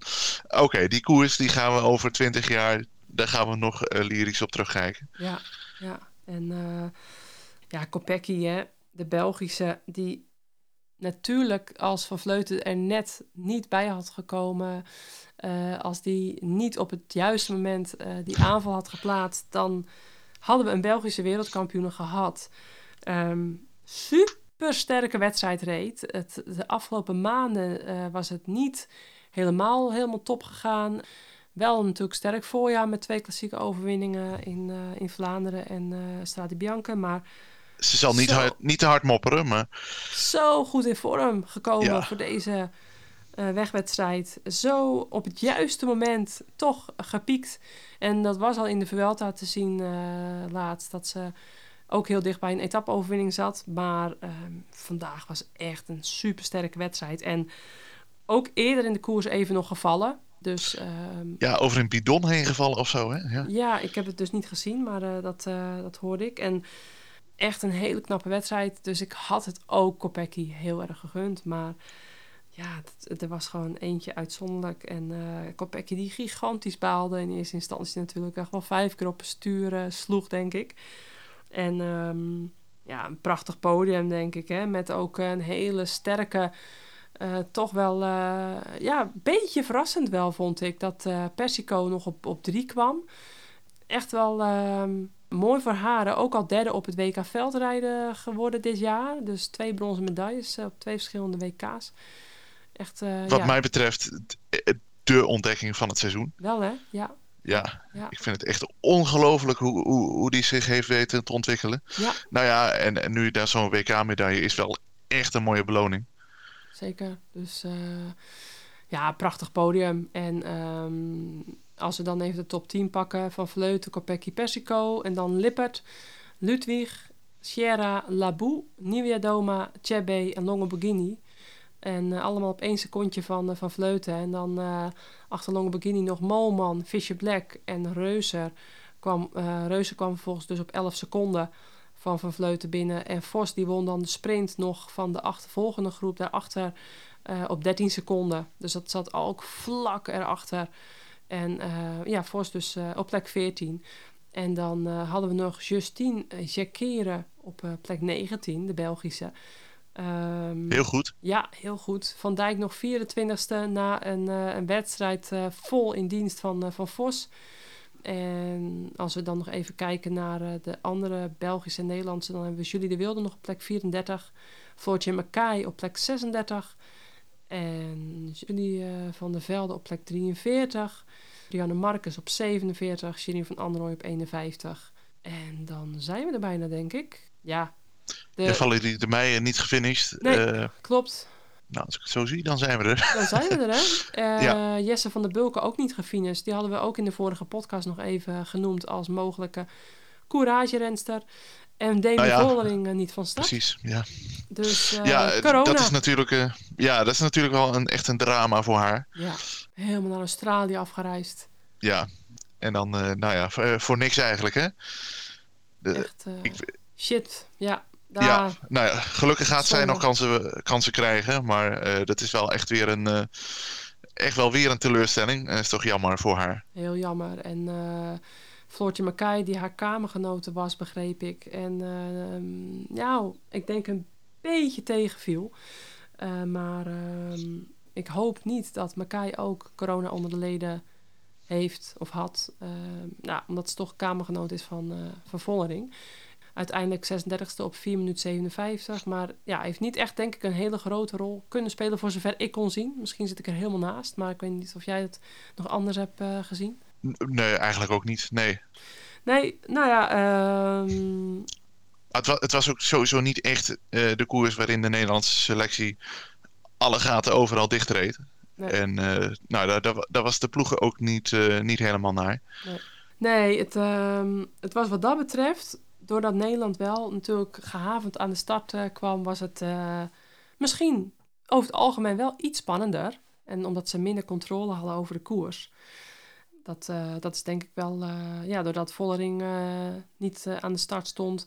En Van Vleuten, ja, met veel minder ambitie en eh, gehavend, eh, heeft het wel Ja. echt... dus die twee renses hebben denk ik dan wel een invloed gehad op de rest van, de, van de koers. Ehm, nou, Nou ja, dat zijn, dat zijn twee rensters die normaal gesproken bij, nou ja, bij die andere beste vijf bergen op zaten. Ja. Die hadden daar gewoon, nou ja, als Annemiek al niet weg was geweest, wat dus, eh, wat dus het plan was, ja, eh, hadden die eh, natuurlijk bergop ook wel eh, normaal kunnen volgen. ja, zeker. Ja, dan had je een andere wedstrijd gehad. Ja. Ehm, achteraf zou je kunnen zeggen, misschien maar gelukkig niet. Precies. Het is allemaal goed gekomen voor Nederland. En ehm, ja, eigenlijk zijn de, de leukste overwinningen als ze onverwachts komen natuurlijk. Als niemand het verwacht. Dus wat dat betreft, ja. ook- ja, en zo zie je, je hoeft helemaal niet zo heel lang eh, solo te rijden om te kunnen winnen. Nee, Gewoon, gewoon 600 meter is ook goed, joh. ja, Met je, 100, met je 128 kilometer. Ja. Hou op. Ja, precies. Ja. je kunt jezelf ook makkelijker maken. ja, nou ja, precies. Dus ehm, nee, wel ook een opvallend puntje dat, ehm, dat ik eh, gestrekte armen op het podium zag. Gestrekte armen na de finish. Ik eh, zag eh, in de, ja, sommige ehm, opmerkingen dat meer mensen zich daar wel een beetje over verbaasden. Maar dat zal denk ik ook in de, in de adrenaline rush eh, gebeurd zijn. Want eh, Ja, ja, kan ik me zo voorstellen dat het wel pijn doet. Maar goed. Uh... Dat, kan je, dat kan je dan toch helemaal niks meer schelen? Nee, nee. Nee, dus dat uh, vond ik opvallend. En uh, ja, dan hebben we er denk ik wel het meest over gezegd, uh, Tim. Um, de WK wegwedstrijd. Ik heb nog met onze Belgische collega-commentator... Afgelopen week had ik al wat contact met haar, met Ine Bijen. En leuk ook dat zij nog het een en ander wil vertellen. Ook over hoe zij de wegwedstrijd heeft beleefd. En over Lotte Kopecky natuurlijk. En ja. Uh, nou, zullen we die er ook maar even in gooien? Komt ze.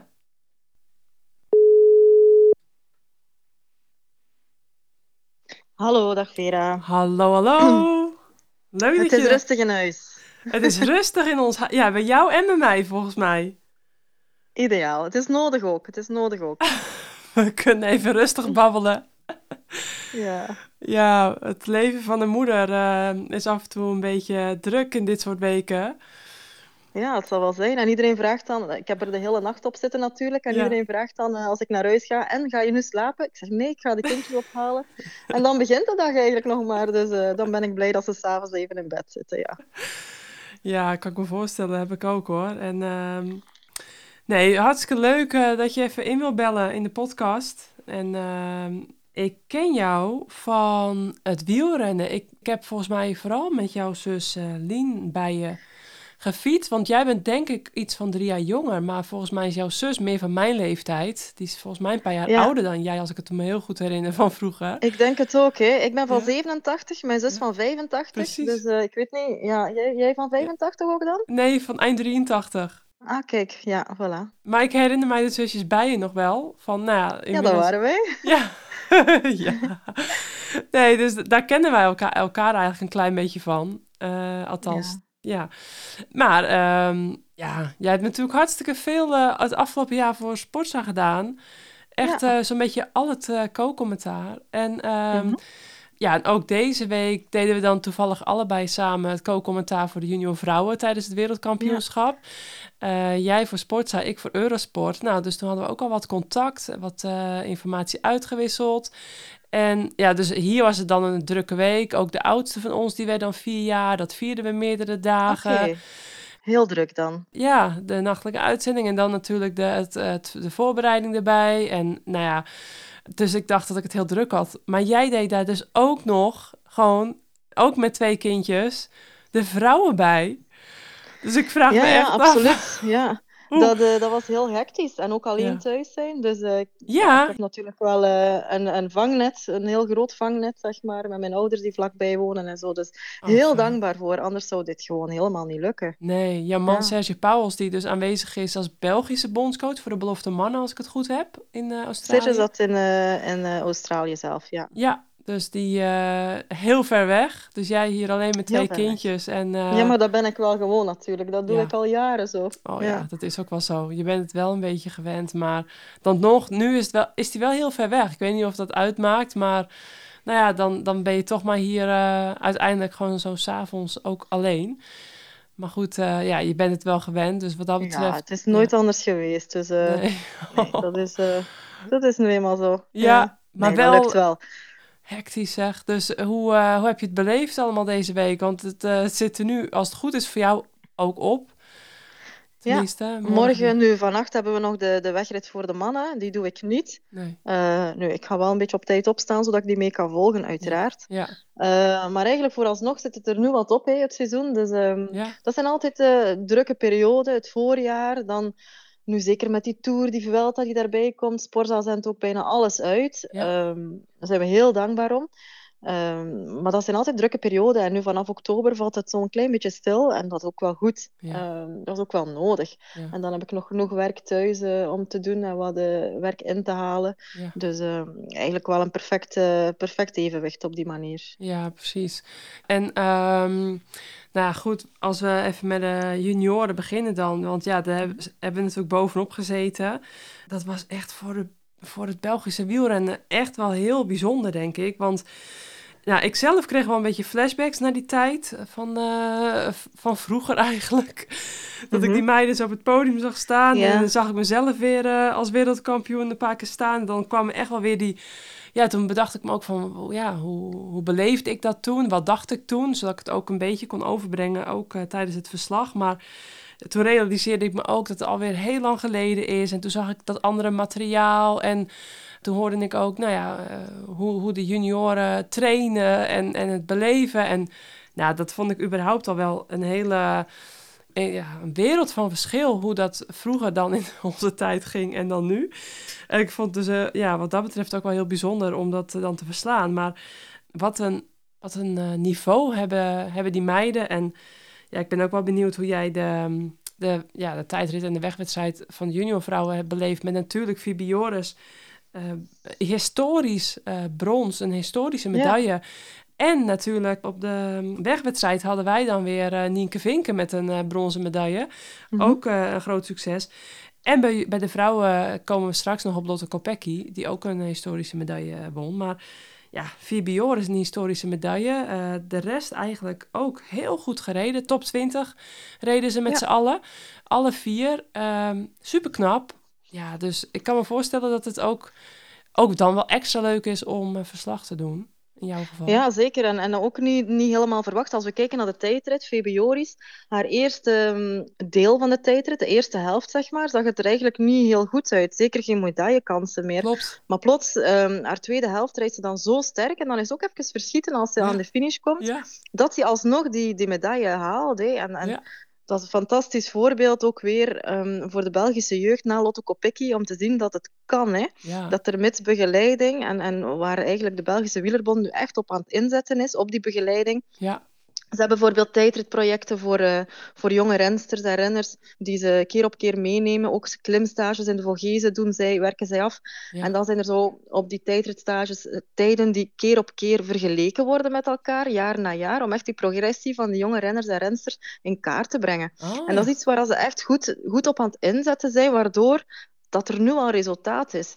Um, maar het is wel historisch in die zin dat we zoveel junior vrouwen, junior meisjes, um, in die top 20 hebben zien zitten tijdens die wegrit. Uh, een fantastische wedstrijd gereden van hen. Ja. Uh, de bondscoach Ludwig Willens zei dat ook. Voor hem is dat ook historisch. Hè. Hij doet het al jaren. Hij doet het al van in mijn tijd. Ja. Hij, en, en, en nu zie je dat, die, dat het eruit komt. Dat Ja. ze er eindelijk zijn. Dat ze die aansluiting maken. En dat er jonge meisjes kunnen beseffen van ja, we kunnen ons brood daarmee gaan verdienen. Het is mogelijk. De Ja. begeleiding is er. Um, het, wordt zo, zo, het wordt bereikbaar en dat is mooi. Ja, zeker. En ehm, ligt het dan ook aan ehm, projecten zoals waar bijvoorbeeld Krees Verbeek volgens mij eh, bij betrokken is, of Ludivine Henrion? Ik zag vorig jaar of dit jaar wat voorbij komen ook dat, dat zij bezig zijn met eh, meiden op de fiets te krijgen in België. Ehm, dat soort zaken. Ja, je hebt, je hebt uh, vanuit Cycling Vlaanderen heb je heel wat projecten nee, die lopen. Uh, het Zij aan Zij project, um, die, die inzet op meisjes van U19, eh, U19 en om die dan competitie te laten rijden, om kennis te maken met competitie. Ik zet me bijvoorbeeld in ook voor funwedstrijden. Dat zijn wedstrijden voor vrouwen plus 18 jaar wel, Oh, ja. um, die eens willen proeven van het wielrennen zonder daarvoor al onmiddellijk een licentie te nemen. Want uiteindelijk, een licentie kost wel wat geld. Als Ja. je nog niet zeker weet dat je het wil gaan doen, Ja. dan moet je ergens wel eens kunnen proberen. En daar zijn we ook mee bezig, heel veel funwedstrijden aan het organiseren, om die vrouwen eens te laten proeven van. En om die dan te gaan stimuleren om effectief ook uh, die competitie te gaan doen. Want het is wel dat dat we nodig hebben natuurlijk, die competitie. Ja, Um, zeker. dus ja, door al die projecten zie je dat het loont, dat die inspanning loont. Ja. Echt eh, mooi hoor. Dus, ehm, nou ja, wat betreft eh, junior vrouwen, ehm ja, Phoebe Joris, Jaarde Lindhout, Fleur Moors, Xaidi van Sinai, echt ehm, de toekomst, zullen we maar zeggen. Daar Ja. gaan we nog wel zeker eh, wat meer van horen. Mhm. Nou ja, dan... als we dan overgaan naar de vrouwen, dat was dus ook met Lotte Kopecky, wat ik net al zei, sinds Patsy Megeman in 94. Ja, Patty Magerman, ja. Ja, of een Magerman. medaille toen. Ja. Uh, ja, voor jullie lijkt dat eeuwen geleden natuurlijk. Ja. Jullie, jullie hebben er elk jaar wel, maar uh, voor ons is het zo lang geleden. Ja. Um, Patsy die zich ook nog altijd, eh, die we nog altijd heel vaak uh, op tv zien, die zich nog altijd inzet ook voor het wielrennen. Ja. Um, maar ja, effectief, zo lang geleden. En, en Lot heeft natuurlijk een fantastisch voorjaar erop zitten, maar er zat, er zat meer in. Ja. Ja, hoe heb je dat beleefd? Zeker als verslaggever. Ja, hoe dan was ben je het? daar Zo, ja, je, je ervaart dat. Je ziet daar natuurlijk Annemiek van Vleuten Ja, op een fenomenale wijze Ja. wereldkampioen worden. En in eerste instantie heb je zoiets van, wauw, zoveel respect voor die vrouw. Als er één iemand verdient, dan is zij het wel. Ja. En dan, zo tien minuten later, kwam dat besef eigenlijk pas van, oei, ja, potverdorie, we Ja. zaten er zelf zo dichtbij. ja, En ehm, ja, dan komt dat besef precies pas. En, en, en, en Lotte zal nu waarschijnlijk ook die sprint nog eh, een paar keer opnieuw bekijken en, en beseffen van ja, ik, ik had moeten meespringen. Hè. ja, Eh, Ja. Nu, ze had schrik van Persico, niet onlogisch, want ze heeft nog maar pas in de Vuelta ja, die sprint verloren tegen Persico. En dat zat heel fris in het geheugen. En, en dan ben je als renster altijd een beetje bang van het, hetgene wat het laatst is gebeurd. Maar uiteindelijk, als je ziet dat ze Persico op, op, op twee, drie fietslengtes zet, dan, ehm, ja. dan had ze er geen schrik van hoeven te hebben. Maar ja, dat weet Nee. je natuurlijk niet op voorhand. Plus, ik denk dat wanneer Annemiek van Vleuten haar voorbij steekt, dat ze eigenlijk... Dat, dat, eh, dat Persico eigenlijk bijna had ingesloten ge- gezeten. Dat Ja. ze eigenlijk, dat Lotte heel snel had kunnen meeglippen. Ja. En Persico had daar ergens vastgezeten, denk ik. Exact, eh, achter. Sierra. Ja, mm, ja, maar ja. Ja, Dat is pas als je het ontleedt achteraf natuurlijk. Hè. Ja. Ehm, in de koers moet je in een split second kunnen Ja. beslissen wat je gaat doen. En, en, en ja, dan loopt het al eens fout. ja, precies. In de Vuelta was het denk ik ook een hele chaotische sprint. Eh Er Ja. was ook een beetje lichtjes bergaf. Eh Klopt, Lotte die met daar... Vollering daar ook. Ja. Ja, met Vollering, maar ook Lotte die daar wat ingesloten had gezeten. Ja. Het was niet overzichtelijk. Eh, het was eh, toch wel een compleet andere finish. En ehm, in mijn ogen had Lotte daar ook kunnen winnen. Of Vollering, die hadden er allebei kunnen winnen, die etappe. Ja, ja, ja, zeker Vollering. Ja. Ja, Ja. maar Lotte ook. En dus eigenlijk, dan snap ik wel dat het eh vers in haar geheugen zat. Maar dit was toch wel een hele andere sprint. Ook na een veel eh, zwaardere wedstrijd, denk ik. Waarbij dan Lotte no- normaal gesproken ook beter uit de verf zou moeten komen dan Persico. En dat bleek dus ook wel in die sprint. Ze was ook veruit de Mhm. sterkste. Ja. Dus ja, ik kan me heel erg voorstellen dat eh, Lotte en haar hele Belgische... eh, ja, alle wielenfans natuurlijk ehm, even hartstikke hard balen. En dan tegelijkertijd is het ook alweer wielengeschiedenis. Na zo'n lange tijd weer een medaille. En ook super knap. Maar ja, ach, ze schreef ook zelf. Of tenminste, ze zei in de pers ook... eh, het was echt een, een wereldkans natuurlijk. Die kans krijg je niet Tuurlijk. eh, zo, eh, zo vaak meer. Nee, kijk naar Vos vorig jaar tweede en dan Ja. denk je, ja, het lukt. Maar ja, kijk hoe ver ze er dan nu van zitten. Het kan zijn Ja. dat dat de enige kans ooit is hè, om wereldkampioen te worden. Ja, ja, ja. Dat ehm Dat herinner kan, me... hè? Ja, zeker. Ja, ehm, maar goed, het is wat het is. En ehm, ze heeft een prachtige Ja. zilveren medaille. Maar ja, ik denk inderdaad ook dat ze ehm, had kunnen meespringen en inpikken. Maar ja, op dat moment dan maak je die keuze in een split second. Het was eh, een, een, een sidderende finale wat we voorgeschoteld kregen. fantastische wedstrijd, hè? Ja, het was echt heel mooi. Ehm, en Julie de Wilde, die achtste werd in de onder 23 wedstrijd, waar eh Niam Fisher Black won en Pfeiffer Mhm. Georgie tweede werd en Ricarda Bouw- Bouwenveld, hoe moet ik zeggen, Bouwerenfeind, die werd dus derde. Ja. Ja, Mhm. Die, die werd derde, terwijl die eh, echt ook nog piepjong is. Eh, maar heel knap van eh, Julie de Wilde. We hadden het ook in de vorige podcast al even over haar gehad. Naar aanleiding van, nou ja, eh, Julie van der Velde. Waarmee mensen, ja, die halen hun nog wel eens door elkaar. Allebei bij Ja, ik ook hoor. Ja. Kun nagaan, Maar ja. iedereen, jullie ook heb ik gehoord, want ik luister naar de podcast. Ik heb het gehoord dat jullie... eh, Ja. Ja, er was, er was toch ook wat, eh, wat verwarring. Klopt. En dan ehm, eh, Justine... Gekieren. Ja, gekie- Ja. gekleren. Zeg Gekieren, zeg je. Ja, gekieren, ja? Ja. Eh, Alle drie. En dus met de twee Julies, eh, de, eigenlijk de helft van de Belgische vrouwenploeg van uh, Plantopura. Ja, die is Ja. hofleverancier. En, ehm, Klopt. Ja, wat, wat zegt dat eigenlijk over de rol van deze ploeg in het Belgische wielrennen? Die is denk ik ook wel eh, de laatste paar jaar heel belangrijk. Heel veel, hè. Planterpura is echt een, eh, zoals je zegt, een hoofdleverancier met Heidi van de Vijver daar aan het roer. Hè. Ook Ja. de gebroeders Roodhoofd zitten daar voor iets tussen. Ja. Heidi van de Vijver heeft zo'n impact gehad op dat eh Planturpura-team. Eh, Heidi van de Vijver natuurlijk zelf ehm gele truidrager, een, rit, een, een, een Tour de France gewonnen in het verleden. Ja. Ehm, een hele rustige vrouw, maar die enorm veel impact heeft op haar manier. Kan de boodschap heel goed overbrengen. Plus is er, toe, is erin geslaagd om eigenlijk een heel hecht team te maken. En dat merk je wel op, vind ik, als je Planturpura bezig ziet. Mhm. Ehm, dat is een ploeg die heel hard in blok rijdt en het elkaar ook heel hard gunt. Ja. Ehm, die hangen echt aan elkaar. Ook bijvoorbeeld tijdens eh, het Belgisch kampioenschap, als Kim de Baat daar wint, zie ik nog altijd het beeld voor mij dat Planturpura daar ehm, voor het podium staat te juichen. En die waren allemaal even blij. Ja. Die hadden echt de wedstrijd in handen genomen. En, en dan zie je dat dat effect heeft. Zeker ook op een, op een ehm, Julie van de Velde, die het het jaar voordien wat moeilijker heeft gehad, of ondertussen twee jaar geleden bij Jumbo-Visma, Ja. om een beetje ja, haar, haar moraal te vinden, haar mentaal vooral goed te vinden en goed te voelen. En dat doet ze wel bij Planturpura. Ze heeft zichzelf herontdekt. Ja. Ehm, en dan komt het er wel uit, hè, want vandaag een heel knappe wedstrijd gereden, heel lang in de aanval gereden. Ja, En als ze dan teruggepakt werd, heeft ze dan nog werk kunnen opknappen voor, eh, voor Julie de Wilde. Ja. Dus eh, chapeau, ja. En dat heeft heel veel te maken met de ploegsfeer. ja, precies. Nou, en wat ik dan eh, herinner in al mijn jaren dat ik dus ook voor Belgische ploegen eh, heb gekoerst, eh, vier jaar. En, eh, en wat ik om me heen altijd zag, is dat het voor Belgische vrouwen nooit echt vanzelfsprekend was, logisch was om eh, de ijzers voor elkaar uit het vuur te halen. Dus Nee, om, om klopt. voor elkaar te rijden. En, en dan was meestal de strijd ook van, eh, nou, wie wordt de eerste Belgische? Dan maakt het eigenlijk Ja, de uitslag ja, niet altijd ja. uit in de internationale Klopt. koers. Maar eh, als je eerste Belgische was, dan, eh, nou, dan, dan waren ze vier, zullen we Dan maar waren ze al zeggen. tevreden.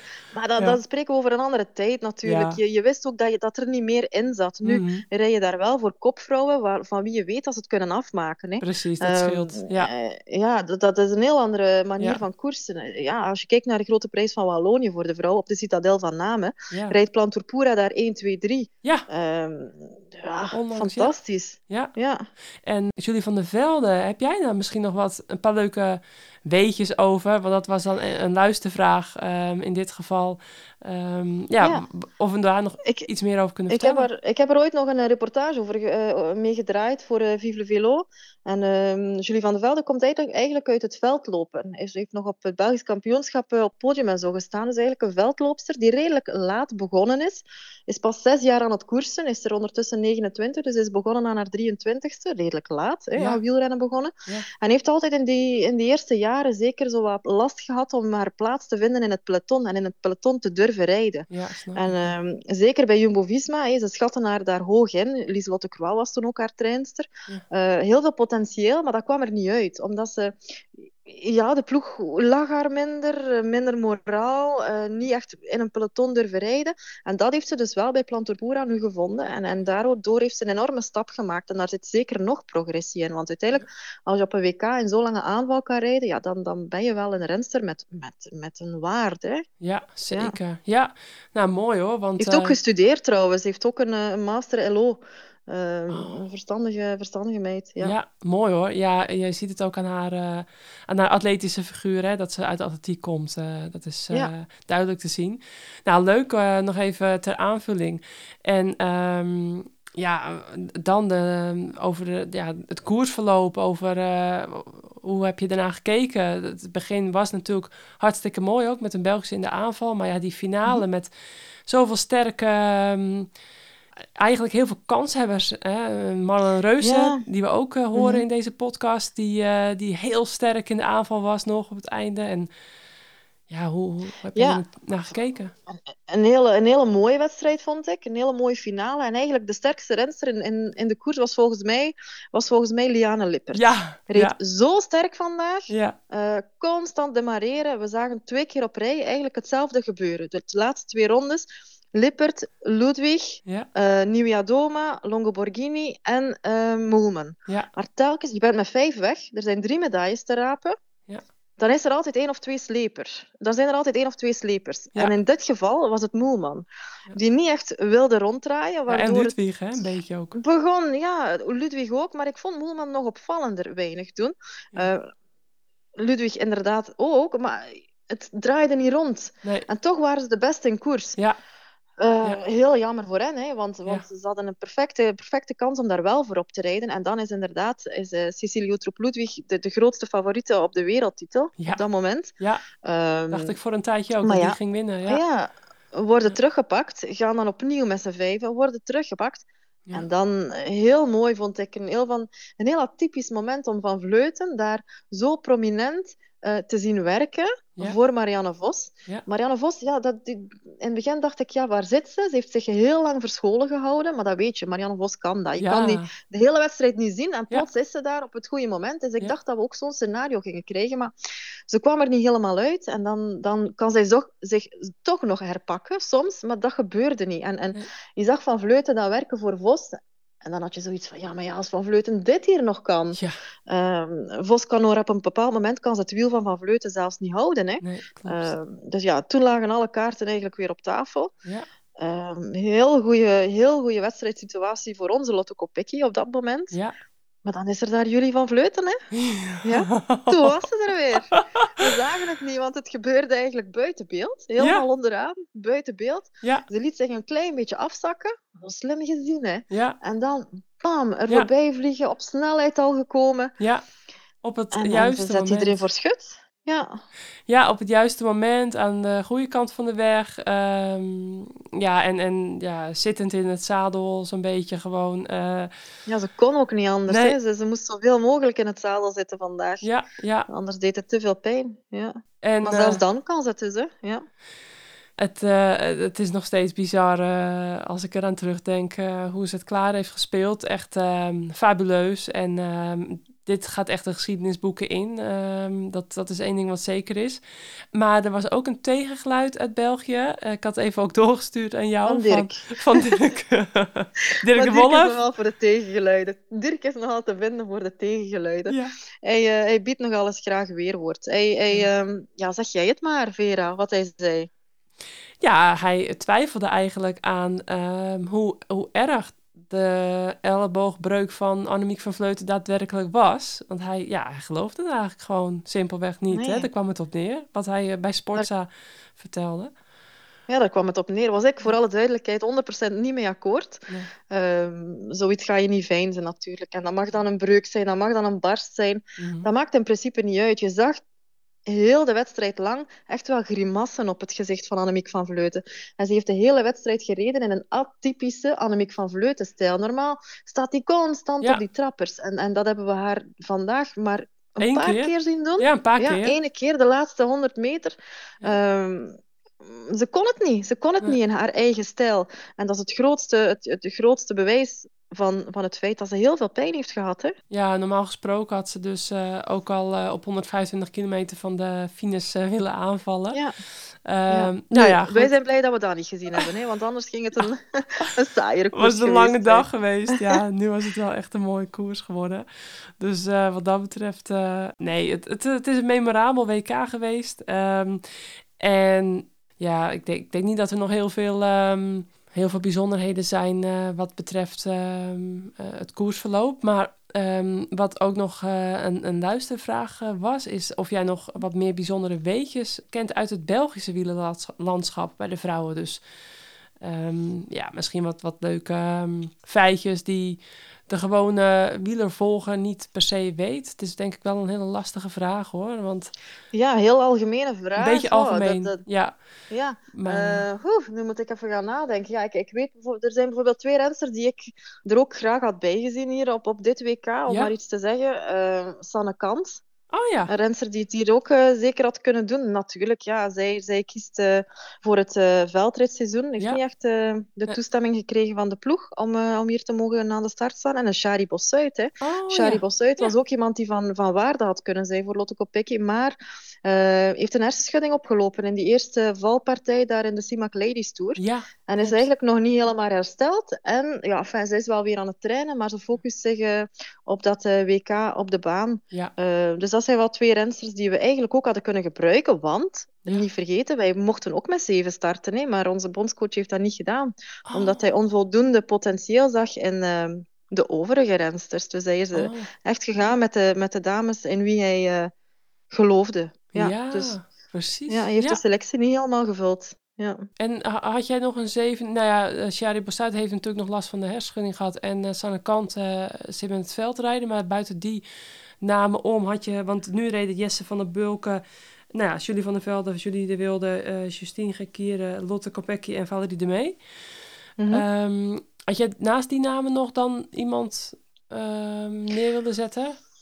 Goh, nee, ik denk dat niet. Ik denk dat niet. Je zou kunnen zeggen, je neemt daar een hele jonge renster mee, maar je moet ook weten, het zijn verre reizen, het kost ook al Ja. veel. Dat mogen we ook niet onder stoelen of banken steken. Ja. Een hele lange wedstrijd, hè, 166 kilometer. Ja. Een jonge renster is toch al sowieso moeilijk om, eh, om dat eh, te gaan overbruggen. Dus nee, ik denk dat hij zeker eh, de meest kwalitatieve rensters hier heeft meegepakt en die waren zeker aanwezig. Ik denk niet dat er daar een aanvulling was nodig geweest. Nee, precies. Nee.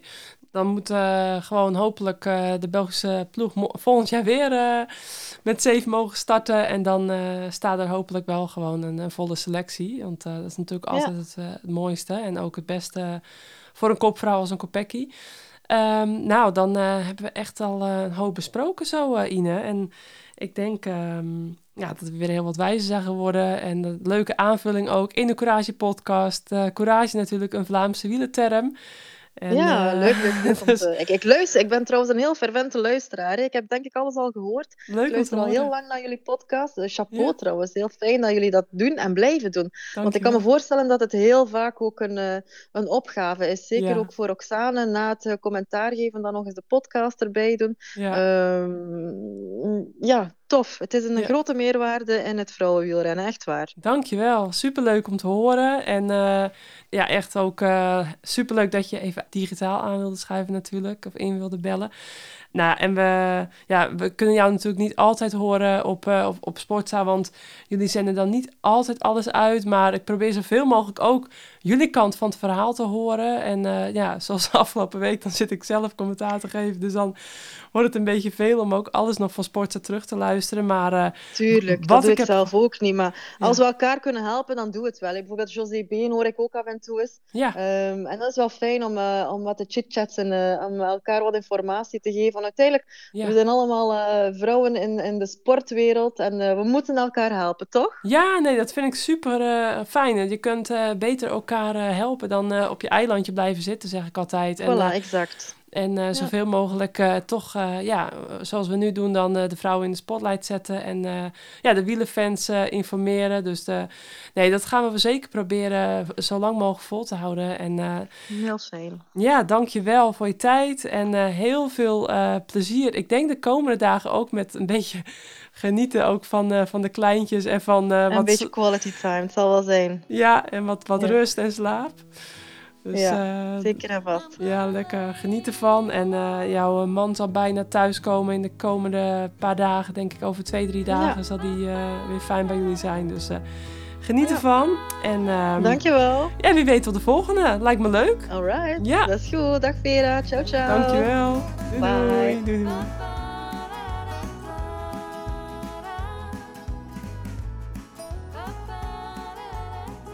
Nou, dat was Ine Bijen. Ehm, en dan rest ons nog eh, de twee vaste rubrieken van de Courage podcast. Daar komt hij. Je bent er bekend mee, hè, Tim? Want eh, jij bent een van onze vaste luisteraars, begreep ik, eh, afgelopen nacht. Toch? Eh, bijna altijd vast, ja. Oké, nou, leuk. Komt-ie. Courage moment. Nou, brand maar los. Eh, ik denk dat we het allebei in koor kunnen gaan zeggen, haast. Ja. Ehm, 1, 2, 3. Annemiek, Annemiek. van Vleuten. ja. ja. Ja, kom op. Ja, Ja. de- de- soms is er maar één antwoord eh, mo- mogelijk haast. Ja, zeker. zeker. Het is echt eh, Ja. bijna, bijna schandalig wat ze heeft gedaan. Ja, Maar de- des te mooier. ja. Ja, e- echt van die momenten. Dat, kan- dat kan alleen Annemiek. En eh, dat is prachtig. ja, zeker. Maar dan hebben we nog de laatste rubriek voor deze podcast. Vrouw van de koers. Ja, de vrouw van de koers. Hmm. Mhm. Ja, dat is, eh, ik, eh, dan ga ik toch voor eh, Liana Lippert. Ja, ja, ja, ja. Hele goeie. Ehm, ik denk dat ik echt met jou mee moet. Want ik zou graag... ik, ik zou ook Kopecky kunnen zeggen. Maar ehm, Lippert, hoe zij koerste als 24-jarige op dit hoogste niveau... Dan, ehm, ja, dan ga ik ook eh, toch wel echt voor, eh, voor Lippert. Ehm, Heel knap. Zij, ehm, ze was niet bang ook om haar... Ja, ze smeet eigenlijk wel echt met krachten. Hè? Maar goed, ze moest ook wel van het klimmetje hebben. Nou wordt ze nog vierde in de sprint. Of tenminste, ze wordt derde in de sprint, vierde totaal. Dus achteraf eh, had ze ook echt op haar sprint misschien nog wat meer kunnen rekenen. Ehm, maar Ja, weet goeie- ik niet. Alsof ze zo snel is als Persico en Kopecky. Normaal Nee. gesproken niet. Nee, nee, daarom wilden ze die natuurlijk ook eh, lossen. Of in ieder geval zo, moe mo- ja, zo vermoeid mogelijk naar de finish eh, krijgen. Ja, eh, nou is Kopecky natuurlijk ook nog jong met 26. Maar nou, ze wordt trouwens bijna 27. Ehm, dus een hele goede vrouw van de koers. Ehm, nou, Maar dan... ik moet zeggen, eh, Lotte, Lotte zou het ook hartstikke verdienen hoor. Ja, zeker. die reed ook geweldig. Ja, En die kreeg natuurlijk eh, eh, nou, vanuit een hoop Nederlandse fans wel een hoop, hoop kritiek. Koplakkie wordt, wordt ze wel eens genoemd. Oh, ja. Nou, zeker, ja. ja. Denk ik van, nou, daar, daar vind ik ook wel iets te ver gaan. Ja, want ze reed ook nog echt in de diepe finale ook het gat dicht, hè? Met onder andere ook ehm, eh, Van Dijk op kop en eh, Reuser. En eh, zij, eh, zij heeft het kopwerk vandaag zeker niet geschuwd. Nee. Nou ja, dat is een beetje een bijnaam die eh, is blijven hangen, na, vooral na de Ronde van Vlaanderen eh, natuurlijk. Ja, Je- de- denk ik van, da- daar... eh, ja, als, ik denk als een Nederlander eh, dat dan doet, dat de reacties dan toch weer eh, net even weer wat anders zijn. ja. Eh, kortom, eh, ze zou het, wat mij betreft, zou ze dat ook eh, meer aan toekomen. Ja, ja, helemaal eens. Nou Tim, dan ehm, zit jouw eh, debuut bij Eurosport erop, maar ook in de Courage podcast. Wat een week voor jou! Nou, het, eh, het moet niet gekker worden. Nee, moet even een weekje van bijkomen, denk ik. En dan, en, en dan gaan we jou weer horen bij, bij de Tour de Romandie. Tour de Romandie, moet ik zeggen. Ja. De, de Ronde van Romandie in Zwitserland. Mooie... De allereerste vrouweneditie van eh, die wedstrijd. Ja, Met, eh, nou ja, to- toch ook wel een hoop eh, mooie namen aan het vertrek. ja. Eh, Annemiek van ja, Vleuten onder andere. Nou ja, ik ben benieuwd hoe het dan gaat met, eh, met de elleboog. En ik kan me ook zo voorstellen dat ze nu zoiets heeft van, nou, eh, het laat maar even zitten, die laatste wedstrijden. Ja. Eh, goed, ja, je weet het. nou ja, zoals eh, het met haar gaat, je weet het nooit. Ja. Volgens mij Demi Vollering die er ook eh, op papier staat. Ja. En nou ja, je, je grote gast van vandaag, Marlijn Reuser. Ja, ja, ik, ik heb er wel zin in eigenlijk. Het, een beetje het toetje van het vrouwenseizoen. mooi. Nou ja, het wordt leuk. Denk het ook. En eh, toch een mooie wedstrijd voor Annemiek om eh, haar eh, WK-trui te showen als de ellebogen toelaat. Want er zit een hele lange klim in, begreep ik van Marlen Reuser in een van de etappes. Dus zij zal denk ik ook wel alles eraan, eraan doen om toch nog te gaan starten in die koers. En natuurlijk na afloop van die koers haar eh, eh, Women's World Tour paarse leiderstrui aantrekken. waarschijnlijk op het eindpodium. Aangezien het de dan denk ik de laatste World Tour wedstrijd van het seizoen is. En dan Ja. hebben we de Nederlandse van Anrooy, eh, die eh, bij de jongeren onder 23 categorie de blauwe leiderstrui eh, niet meer kan ontgaan. En ook zal aantrekken daar op het eindpodium. Dus nou, het zijn nog wel even mooie wedstrijden voor, voor de toprensters die daar nog naartoe gaan werken. Alhoewel voor de meeste rensters het seizoen er momenteel op zit. Vooral nu na het WK ehm, gaan er toch... Ja, het is leuk eh, dat we toch nog even een beetje ku- kunnen nagenieten in uh, Romandie. Een soort van misschien nog een, eh, een beetje een, eh, een WK eh revanchewedstrijd hè, met zware etappes. Dus ehm, nou, we gaan het weer meemaken. En jij gaat dat dan voor Eurosport doen. Dus weer wat mooie uurtjes om je commentaren skills nog verder te gaan uitbouwen richting volgend seizoen. Wanneer je echt grotendeels de taak van Nick Stupler op je gaat nemen. Die nou ja, veel eh, minder uren gaat draaien ten opzichte van dit jaar. Dus ehm, dan eh, kunnen mensen je nu alvast in de Courage podcast al een beetje aan jouw stem wennen. Ja, want- nou, ik hoop dat het bevalt. Ja. Ja, een nieuwe stem is to- toch vaak altijd een beetje wennen, denk ik. Voor, eh, ik, ik weet niet hoe dat komt, maar ja, een nieuwe stem op tv, dat, ik denk dat dat altijd een beetje moet wennen. dus maar ehm, we gaan denk ik dan afronden voor nu. En misschien hè, komt er nog weer eens even een keer een wedstrijd voorbij eh, waar je ook bent ingedoken, waar, waar we toch weer even onze gedachten over kunnen laten gaan en kunnen nabeschouwen. Of misschien wel voorbeschouwen. Dus ehm, komt vast. Nou ja, eh, je, je mag altijd bellen. hartstikke leuk. Bedankt voor je tijd en eh, voor je analyse. Jij ook bedankt voor de, voor de gezellige nachtelijke sessies. Ja. Dat, dat mag ook worden gezegd. Ja, dankjewel. En eh, nou, wie weet gaan mensen ons ook samen nog eh, vaker horen. We, we gaan het meemaken. We gaan het horen van, van Eurosport of ze dat zien zitten. Lijkt Dus, mij in ieder geval helemaal leuk. Ja, mij ook. Dus nou, bij deze een, eh, een open oproep. Nee. we zetten de Courage podcast overal voor in. nou, Tim, eh, ik zou zeggen, ehm, geniet van je welverdiende rust. Eh, lekker bijslapen, wel rusten. Komt goed. En, ehm, en nou, we gaan nog een beetje nagenieten van de mooie, ja, van al het moois wat we hebben gezien.